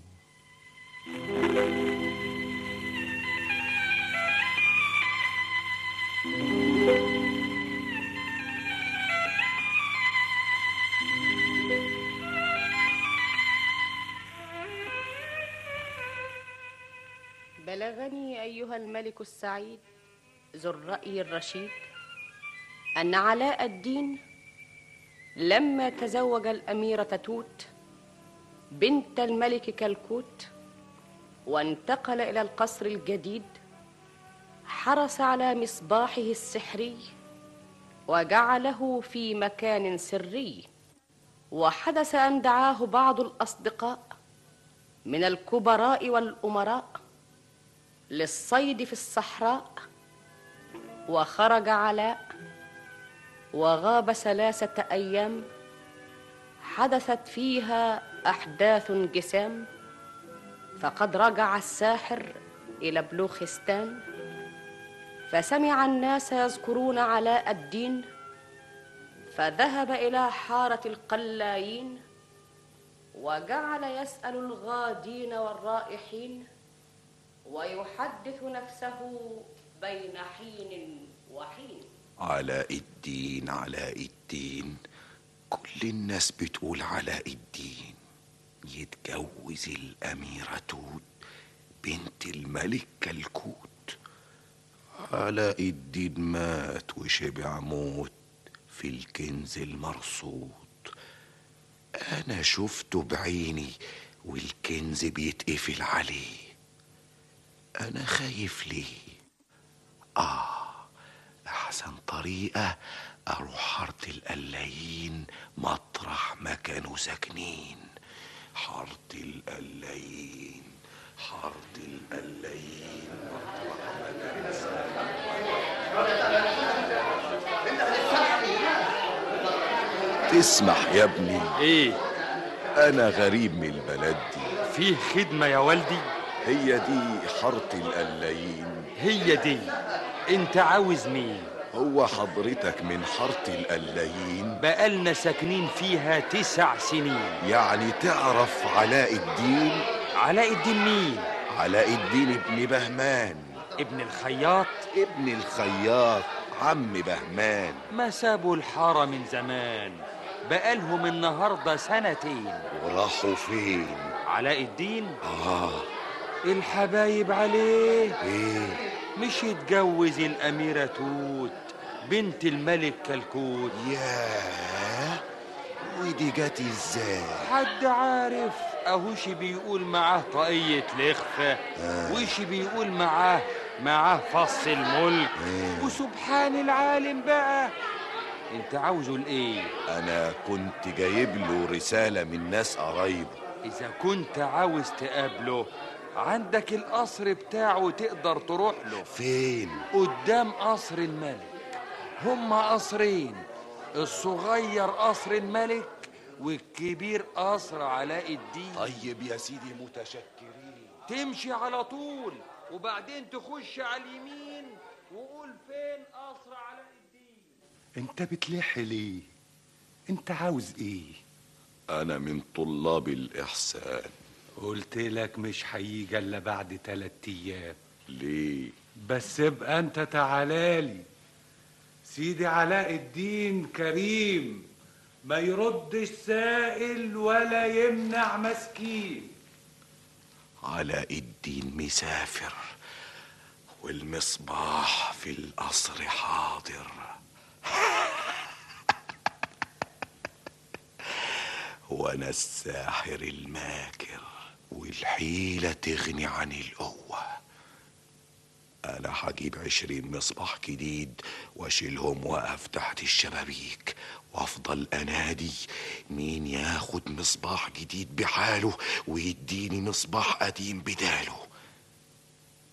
اذا كان علاء الدين سايب المصباح في قصره وكان محافظ على سره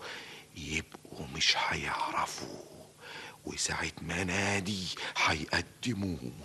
واخد انا مصباح علاء الدين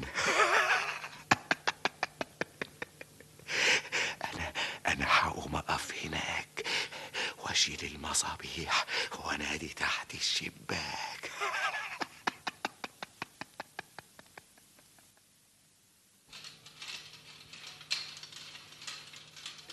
يا اخوانا يلي في الحاره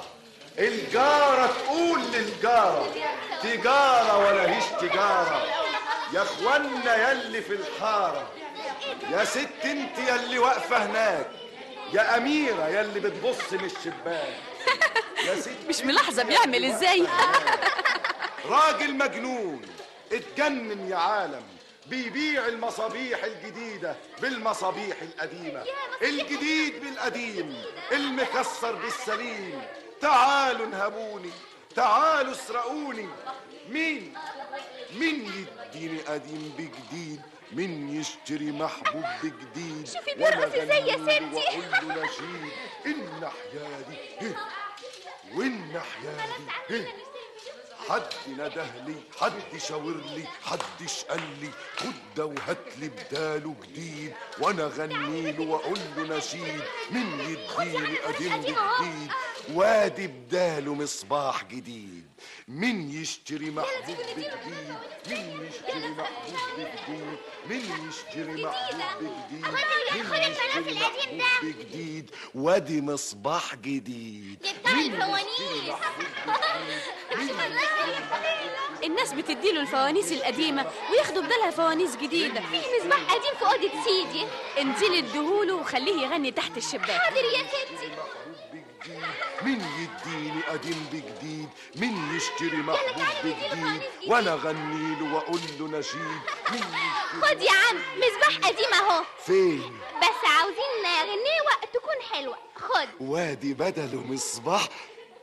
ايه ايه مالك في ايه ال- ال- ال- المصباح إيه، طب مش تديني بداله واحد جديد خديهم خديهم اهم كلهم الراجل خد المصباح القديم وطلع يجري مجنون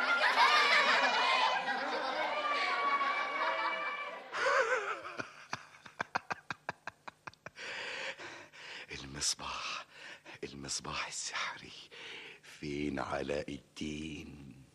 يتجوز توت الأميرة الجميلة حلوة حلوة خسارتها فيه ده ولد سفيه أنا إبليس هخليه في الإنكيس أما أدعك المصباح وأمر الخادم يخطف الأميرة الأميرة بس والجواهر اللي معاها والجواهر يعني إيه؟ انا هخطف القصر باللي فيه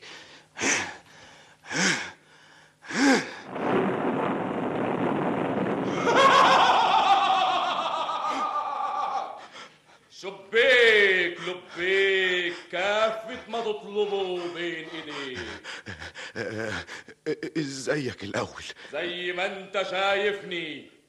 ايش تطلب مني عاوزك تطاوع اوامري انا مأمور بطاعتك طول ما انا في حيازتك عاوزك دلوقتي اهو تشيل قصر الأميرة باللي فيه وتحطها بأسرها فوق جبال القمر لا يطولها جن ولا يطولها بشر في لمحة نظر مش هيلاقوا له أثر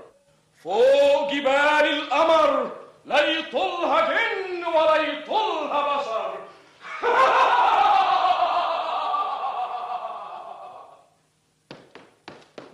مولانا مولانا ايه ايه الحقني يا مولانا انا خلاص انت وهمتني اتكلم القصر يا مولانا قصر ايه قصر الأميرة توت ماله اختفى اختفى ما عادش له وجود انت بتقول ايه افتحوا الشباك ده هي القصور بتطير الله القصر مش موجود ما عادش له وجود ازاي والاميره راحت فين الاميره بنتي مين يعرف يا مولانا الله توت بنتي فين علاء علاء الدين عمل نفسه طالع يصطاد هوم العساكر والرجال يفتشوا على علاء الدين في كل مكان ويجيبوه هنا في الحال ايه الاصوات اللي جايه من بعيد دي الجماهير سايرة يا مولانا عايزين ايه بيطالبوا بالإفراج عن علاء الدين ازاي العساكر سابتهم الجيش انضم لهم ازاي مفيش حاجة تنقذ الموقف غير علاء الدين يا مولانا علاء الدين الله علاء الدين انت خرجت ازاي العساكر بتوعك هم اللي فتحوا لي هم اللي هربوني لكن انا جيت لك عشان اثبت لك اني هساعدك مش ممكن اسيبك لوحدك هي اذا كانت بنتك هي كمان زوجتي ومصيبتها مصيبتي انا مش عاوزك تسامحني انا عاوزك تمهلني وعايز مهله كام يا علاء اديني شهرين اقدم لك فيهم حاجه من اتنين لا الاميره توت لا رقبتي علاء الدين بيني وبينك شهرين احسبهم بدمع العين بنتي توت بنتي توت وترك علاء الدين الديار وجعل يجوب الأقطار بحثا عن القصر الذي طار وطارت معه الأميرة واختفت على هذه الصورة وظل الفتى يجري ودموعه تجري حتى انتهى إلى خميلة فاستحضر خياله الأميرة الجميلة فوقف يبكيها وجعل ينعيها وعندئذ مولاي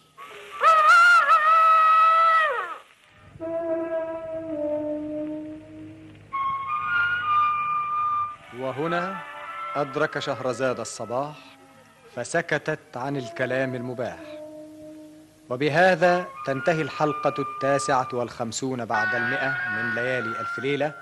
يكتبها طاهر أبو فاشا ويخرجها حلقة محمد الستون بعد المئة وفيها الليلة التالية اتخذ شهريار الملك مجلس الليلة الماضية وأقبلت شهرزاد في نفس الميعاد فأحسن الملك استقبالها وحيا جمالها وأجلسها في مكان القبول وجعل يصغي إليها في ذهول وهي تقول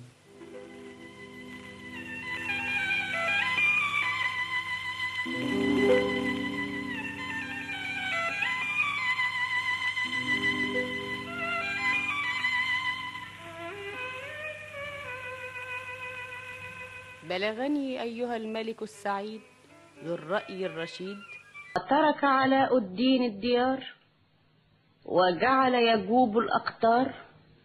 بحثا عن القصر الذي طار وطارت معه الأميرة واختفت على هذه الصورة وظل الفتى يجري ودموعه تجري حتى انتهى إلى خميلة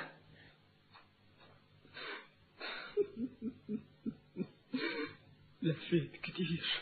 وتعبت كتير توت يا حبيبتي يا ترى انت فين دلوقتي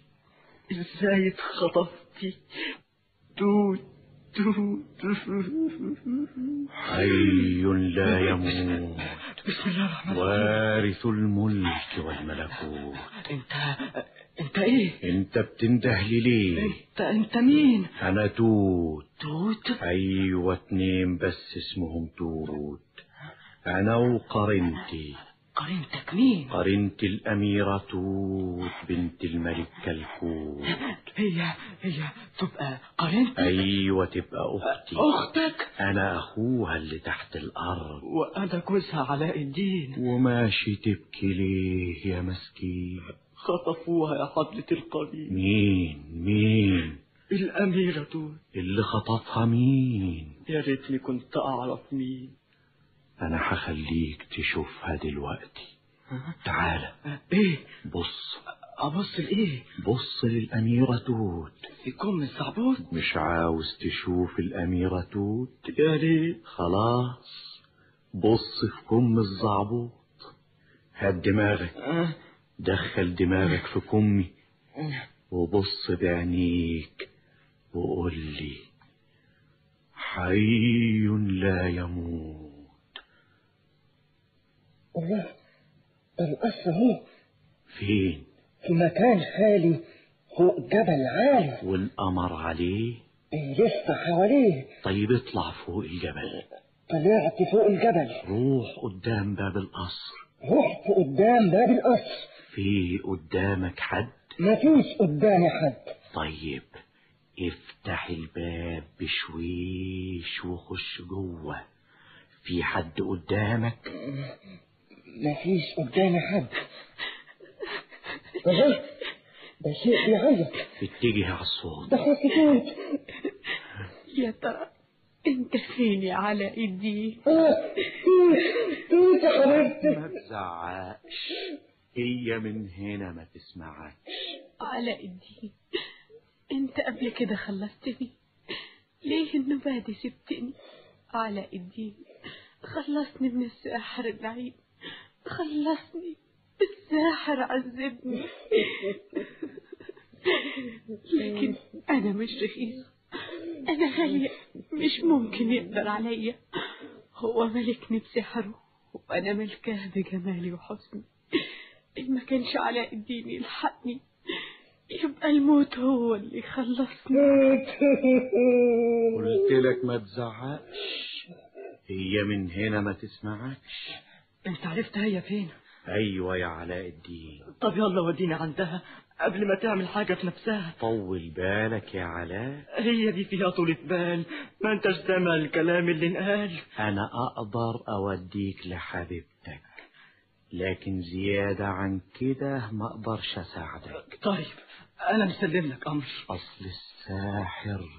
بيستعمل المصباح السحري والمصباح السحري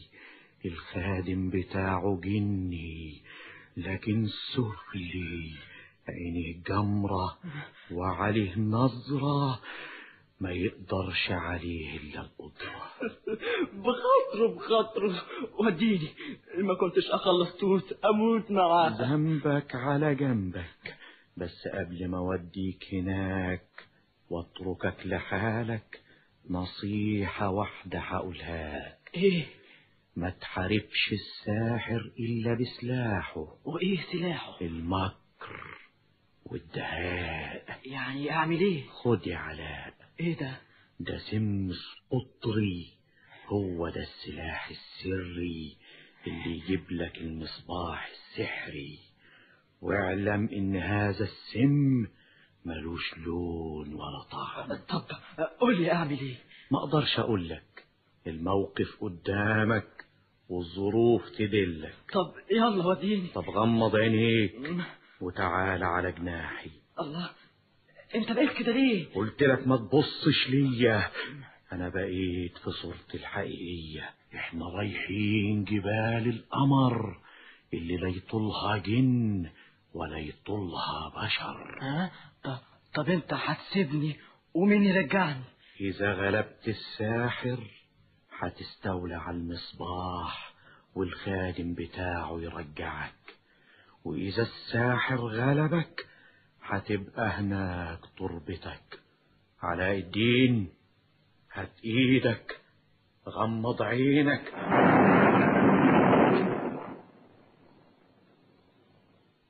وبعدين يا توت انا قلت لك ما تتعبش نفسك ازاي يا توت ده انا كنت اموت الكسملان قدامي ازاي ما اشربوش الظهر منور ليه ما شموش القمر مزهزه ازاي ما بصلوش توت كلميني رد عليا نظرة منك تحقيني توت توت انت متصورة اني مرجوكي لاني مش قادر عليكي ده انا كنت ازلزل الدنيا كنت اهدها تزلزل الدنيا تهد الدنيا مش ممكن تقدر عليا اخدك بالقوة تاخدني وسط ميتة اموت نفسي قبل ما تلمسني انت بتهزميني من ضعفي انت لسه بتحبي علاء الدين علاء الدين ده جوزي وحبه فرض ودقيق انت ما بتحبنيش يا توت عشان علاء الدين موجود انا هقطع املك منه انا هجيبه هنا بين يديكي واقتله قدام عينيكي انا قايم على البلوخستان اامر المصباح واطير مع الرياح واجيب علاء الدين في غمضة عيني علاء الدين علاء الدين راح له الساحر اللعين علاء الدين علاء الدين توت علاء توت يا حبيبتي علاء الدين انت جيت ازاي يا حبيبي الدموع اللي دلتني الدمع اللي شربته والعذاب اللي شفته توت علاء انت عارف انا فين عارف يا توت والعمل يا علاء مفيش حاجة تنجينا من شره غير المصباح وسحره المصباح شايله على صدره ازاي ناخده منه إذا حاربناه بسلاحه نغلبه سلاح ايه الحيلة حيلة ايه كل حاجة معمول حسابها خدي ايه ده ده سم سقطري سم سقطري هو اللي هيجيب لنا المصباح السحري ازاي السم ده ملوش لون ولا طعم لو قدرت تسقي السم اسقيه السم احنا حياتنا متوقف على شجاعتك شجعتي انا انت اللي هتخلصينا ربنا يقوينا بس قولي ايه اللي عاوزه مني خطة بسيطة خالص هو هيفتش عليا لما ييأس مني وبعدين هيرجع لك ويرجع تاني يكلمك عن قلبك ويطلب حبك من يوم ما جابني كل يوم يكلمني لما دوخني ومن حسن حظي وحظك ان العين بيحبك انت تقدري تديه السم وانت بتسقيه مانيش فاهمة لما يرجع تاني ويكلمك كلميه وفهميه انك حبيتيه ها هيطلب الطعام أكليه ويطلب الشراب في الساعة دي يبقى جه وقتك يا توت فهميه إنك بتخدميه وبإيدك بتسقيه وحط له السم في الكاس مش هيحس بيه إلا ساعة ما يترمي الأرض لو قدرت تسقيه السم السقطري هيموت الساحر وناخد الفانوس السحري ربنا يعيني توت أنا عاوزك تشد حيلك اليوم ده يومك انا انا بس خايفة عليك احنا الوقت حياتنا وهنانا وكل شيء النهارده في ايديكي انت انت ليه جيت توت علاء ما تفكريش في حاجه تانية احنا قدامنا مهمه ما فيش غيرها خايفة يا علاء مسافتها كام يوم لما نقتل الساحر وينقلب خوفك امان وناخد القصر ونطير على بلوخستان ونعيش في امان زي زمان وظل الزوجان ينتظران عودة الساحر من بلوخستان حتى مر أسبوعان وبينما هما جالسان يتحدثان سمع صوت الساحر يهمهم في الفضاء وهو يهوي على القصر من السماء كأنه القضاء فأسرع علاء واختبأ وراء الستائر في اللحظة التي دخل فيها الساحر ودخل الساحر كالعاصفة واتجه إلى الأميرة وهي خائفة وعندئذ مولاي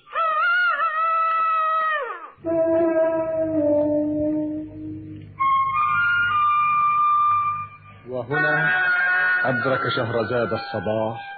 فسكتت عن الكلام المباح وبهذا تنتهي الحلقة الستون بعد المئة من ليالي ألف ليلة يكتبها طاهر أبو فاشا ويخرجها محمد محمود شعبان ولما كانت الحلقة الحادية والستون بعد المئة وفيها الليلة التالية اتخذ شهريار الملك مجلس الليلة الماضية وأقبلت شهرزاد في نفس الميعاد فسلمت احسن سلام ثم فتحت له باب الاحلام وبصوت كانه انغام جلست تستانف الكلام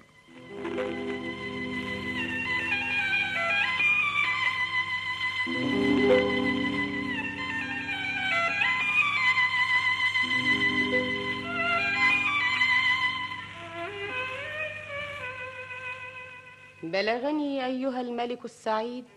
ذو الرأي الرشيد أن علاء الدين لما تلطف به القدر والتقى بالأميرة توت على جبال القمر أخبرته أن الساحر قد غادر المكان وطار إلى بلوخستان ليحضره إليها ويقتله بين يديها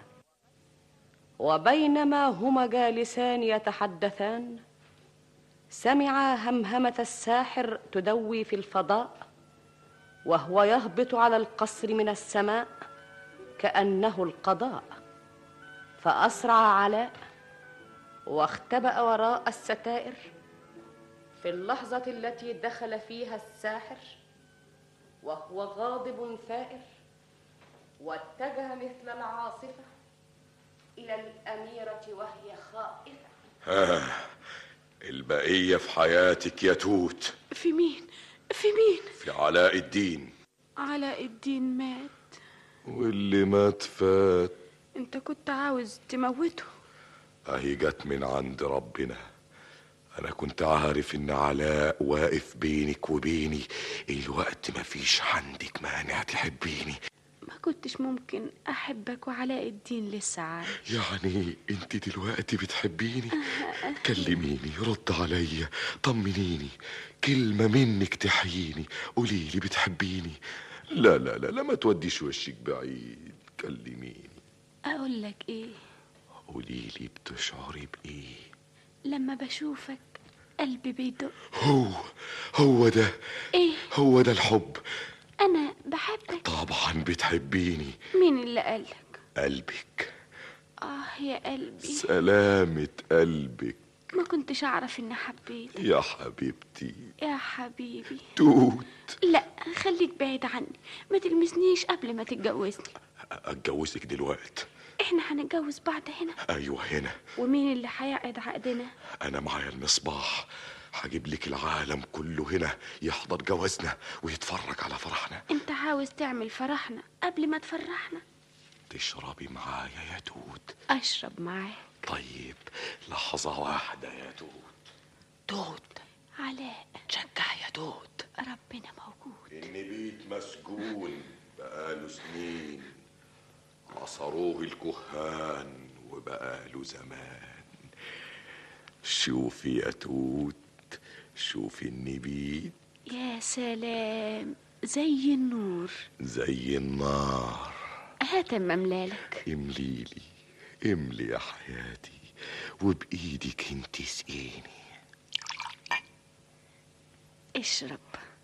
هاتي لا من ايدي من ايدك انت الكاس يا حلالي ولو كان فيه السم السم يهنالي اسقيني اشرب يا حبيبي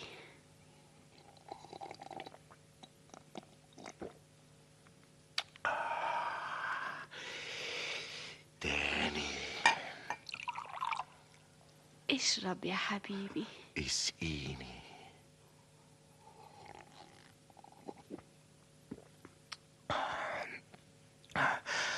كمان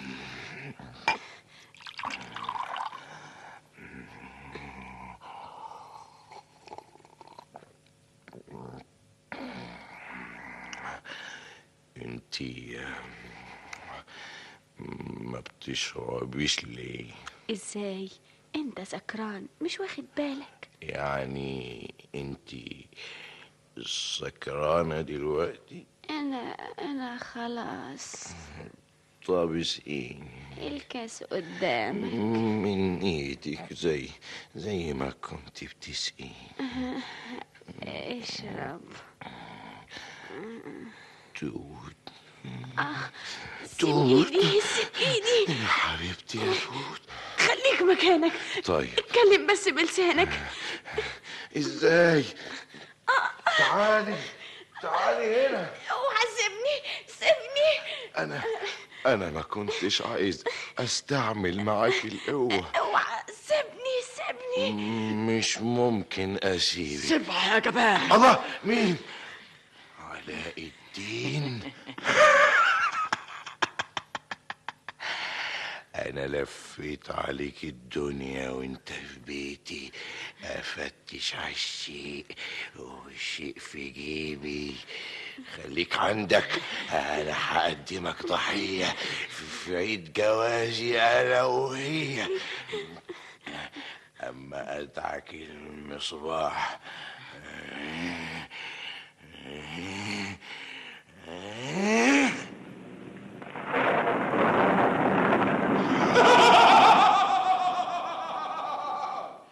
شبيك لبيك كافة ما تطلبه بين ايديك انا انا عاوزك دلوقتي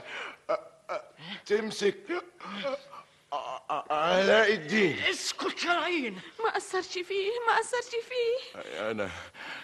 انا سكران و- ولا تعبان امسك علاء الدين فين الحي و- والنار فين المية لا لا انا انا مسموم فين خاتم المصباح انا تحت امرك اطلب وانا انفذ لك اطلب اطلب آه! الحمد لله الساحر مات توت علاء انت بتبكي يا حبيبتي فين المصباح السحري المصباح في صدره ما كانش يفرقه فين فين اه اهو ضربته في رقبته ناوليني السكينه دي هي معقودة ما تفكها مم، آه، خلاص انت هتعمل ايه اول حاجه نفكر فيها ادعك من الصباح وامر الخادم يرجعنا تاني بلوخستان يا حبيبي يا ابويا ده ابوك هيندهش لما يجد القصر في مكانه شوفي مدعكه شوفي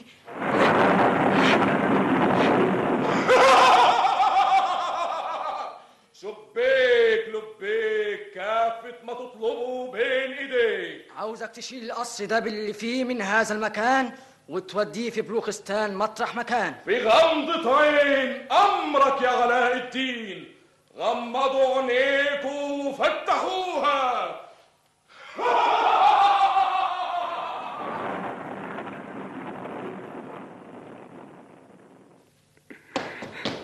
مولانا مولانا مولايا ايه ايه انا عقلي طار من دماغي إيه، في ايه؟ القصر بتاع ست الاميره رجع تاني افتحوا الشبابيك دي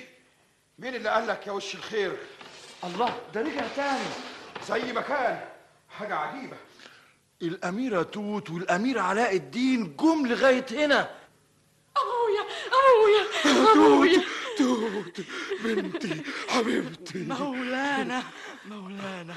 علاء الدين الحمد لله على السلامة يا ابني النهارده اخر يوم في الميعاد أيوة. أيوه فات الشهرين وجاي اقدم لك واحده من اتنين اتفضل اديني انقذت لك بنتك أنت خايف على رقبتك لكن انا عايز اعرف الحكايه دي ايه وازاي القصر يتنقل من مكانه ومين اللي خطف الاميره وخطفها ليه وعرفته ازاي وخلصت منه ازاي دي اسئله لابد اعرفها عاوز تعرف جواب الأسئلة دي يا مولانا؟ طبعا اتفضل معايا فين؟ على القصر بتاعي أه لا خليكوا انتوا احنا هنروح لوحدنا تعال انت يا توت معانا اتفضل يا مولانا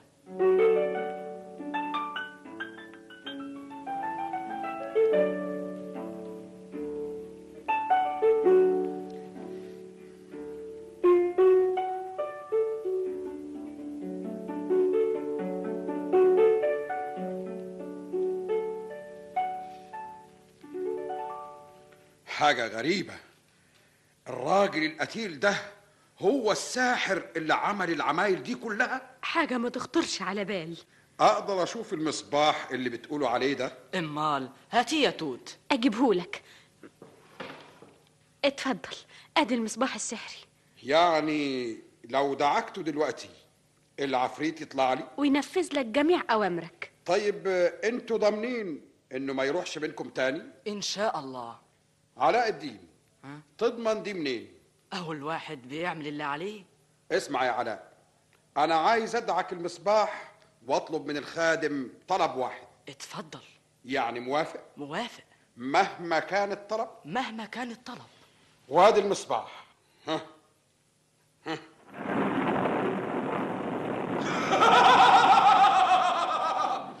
شبيك لبيك كافة ما تطلبه بين ايديك انا انا انا عايزك الوقت تطيع امري وتعدم المصباح السحري إيه؟ مولاي أبويا ايه عايزك تعدم المصباح السحري ازاي اخدم المصباح السحري انت مش تطيع امري ده انت بتحررني انت بتخلصني من سجني المصباح السحري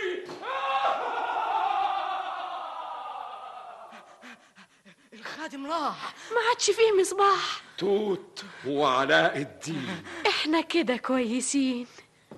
وعاشوا في أسعد حال وأهنأ بال حتى أدركهم هادم اللذات ومفرق الجماعات فسبحان الحي الذي لا يموت ومن بيده الملك والملكوت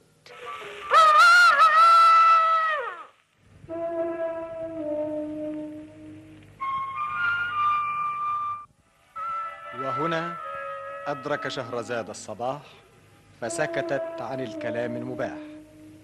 وبهذا تنتهي الحلقة الحادية والستون بعد المئة من ليالي ألف ليلة يكتبها طاهر أبو فاشا ويخرجها محمد محمود شعبان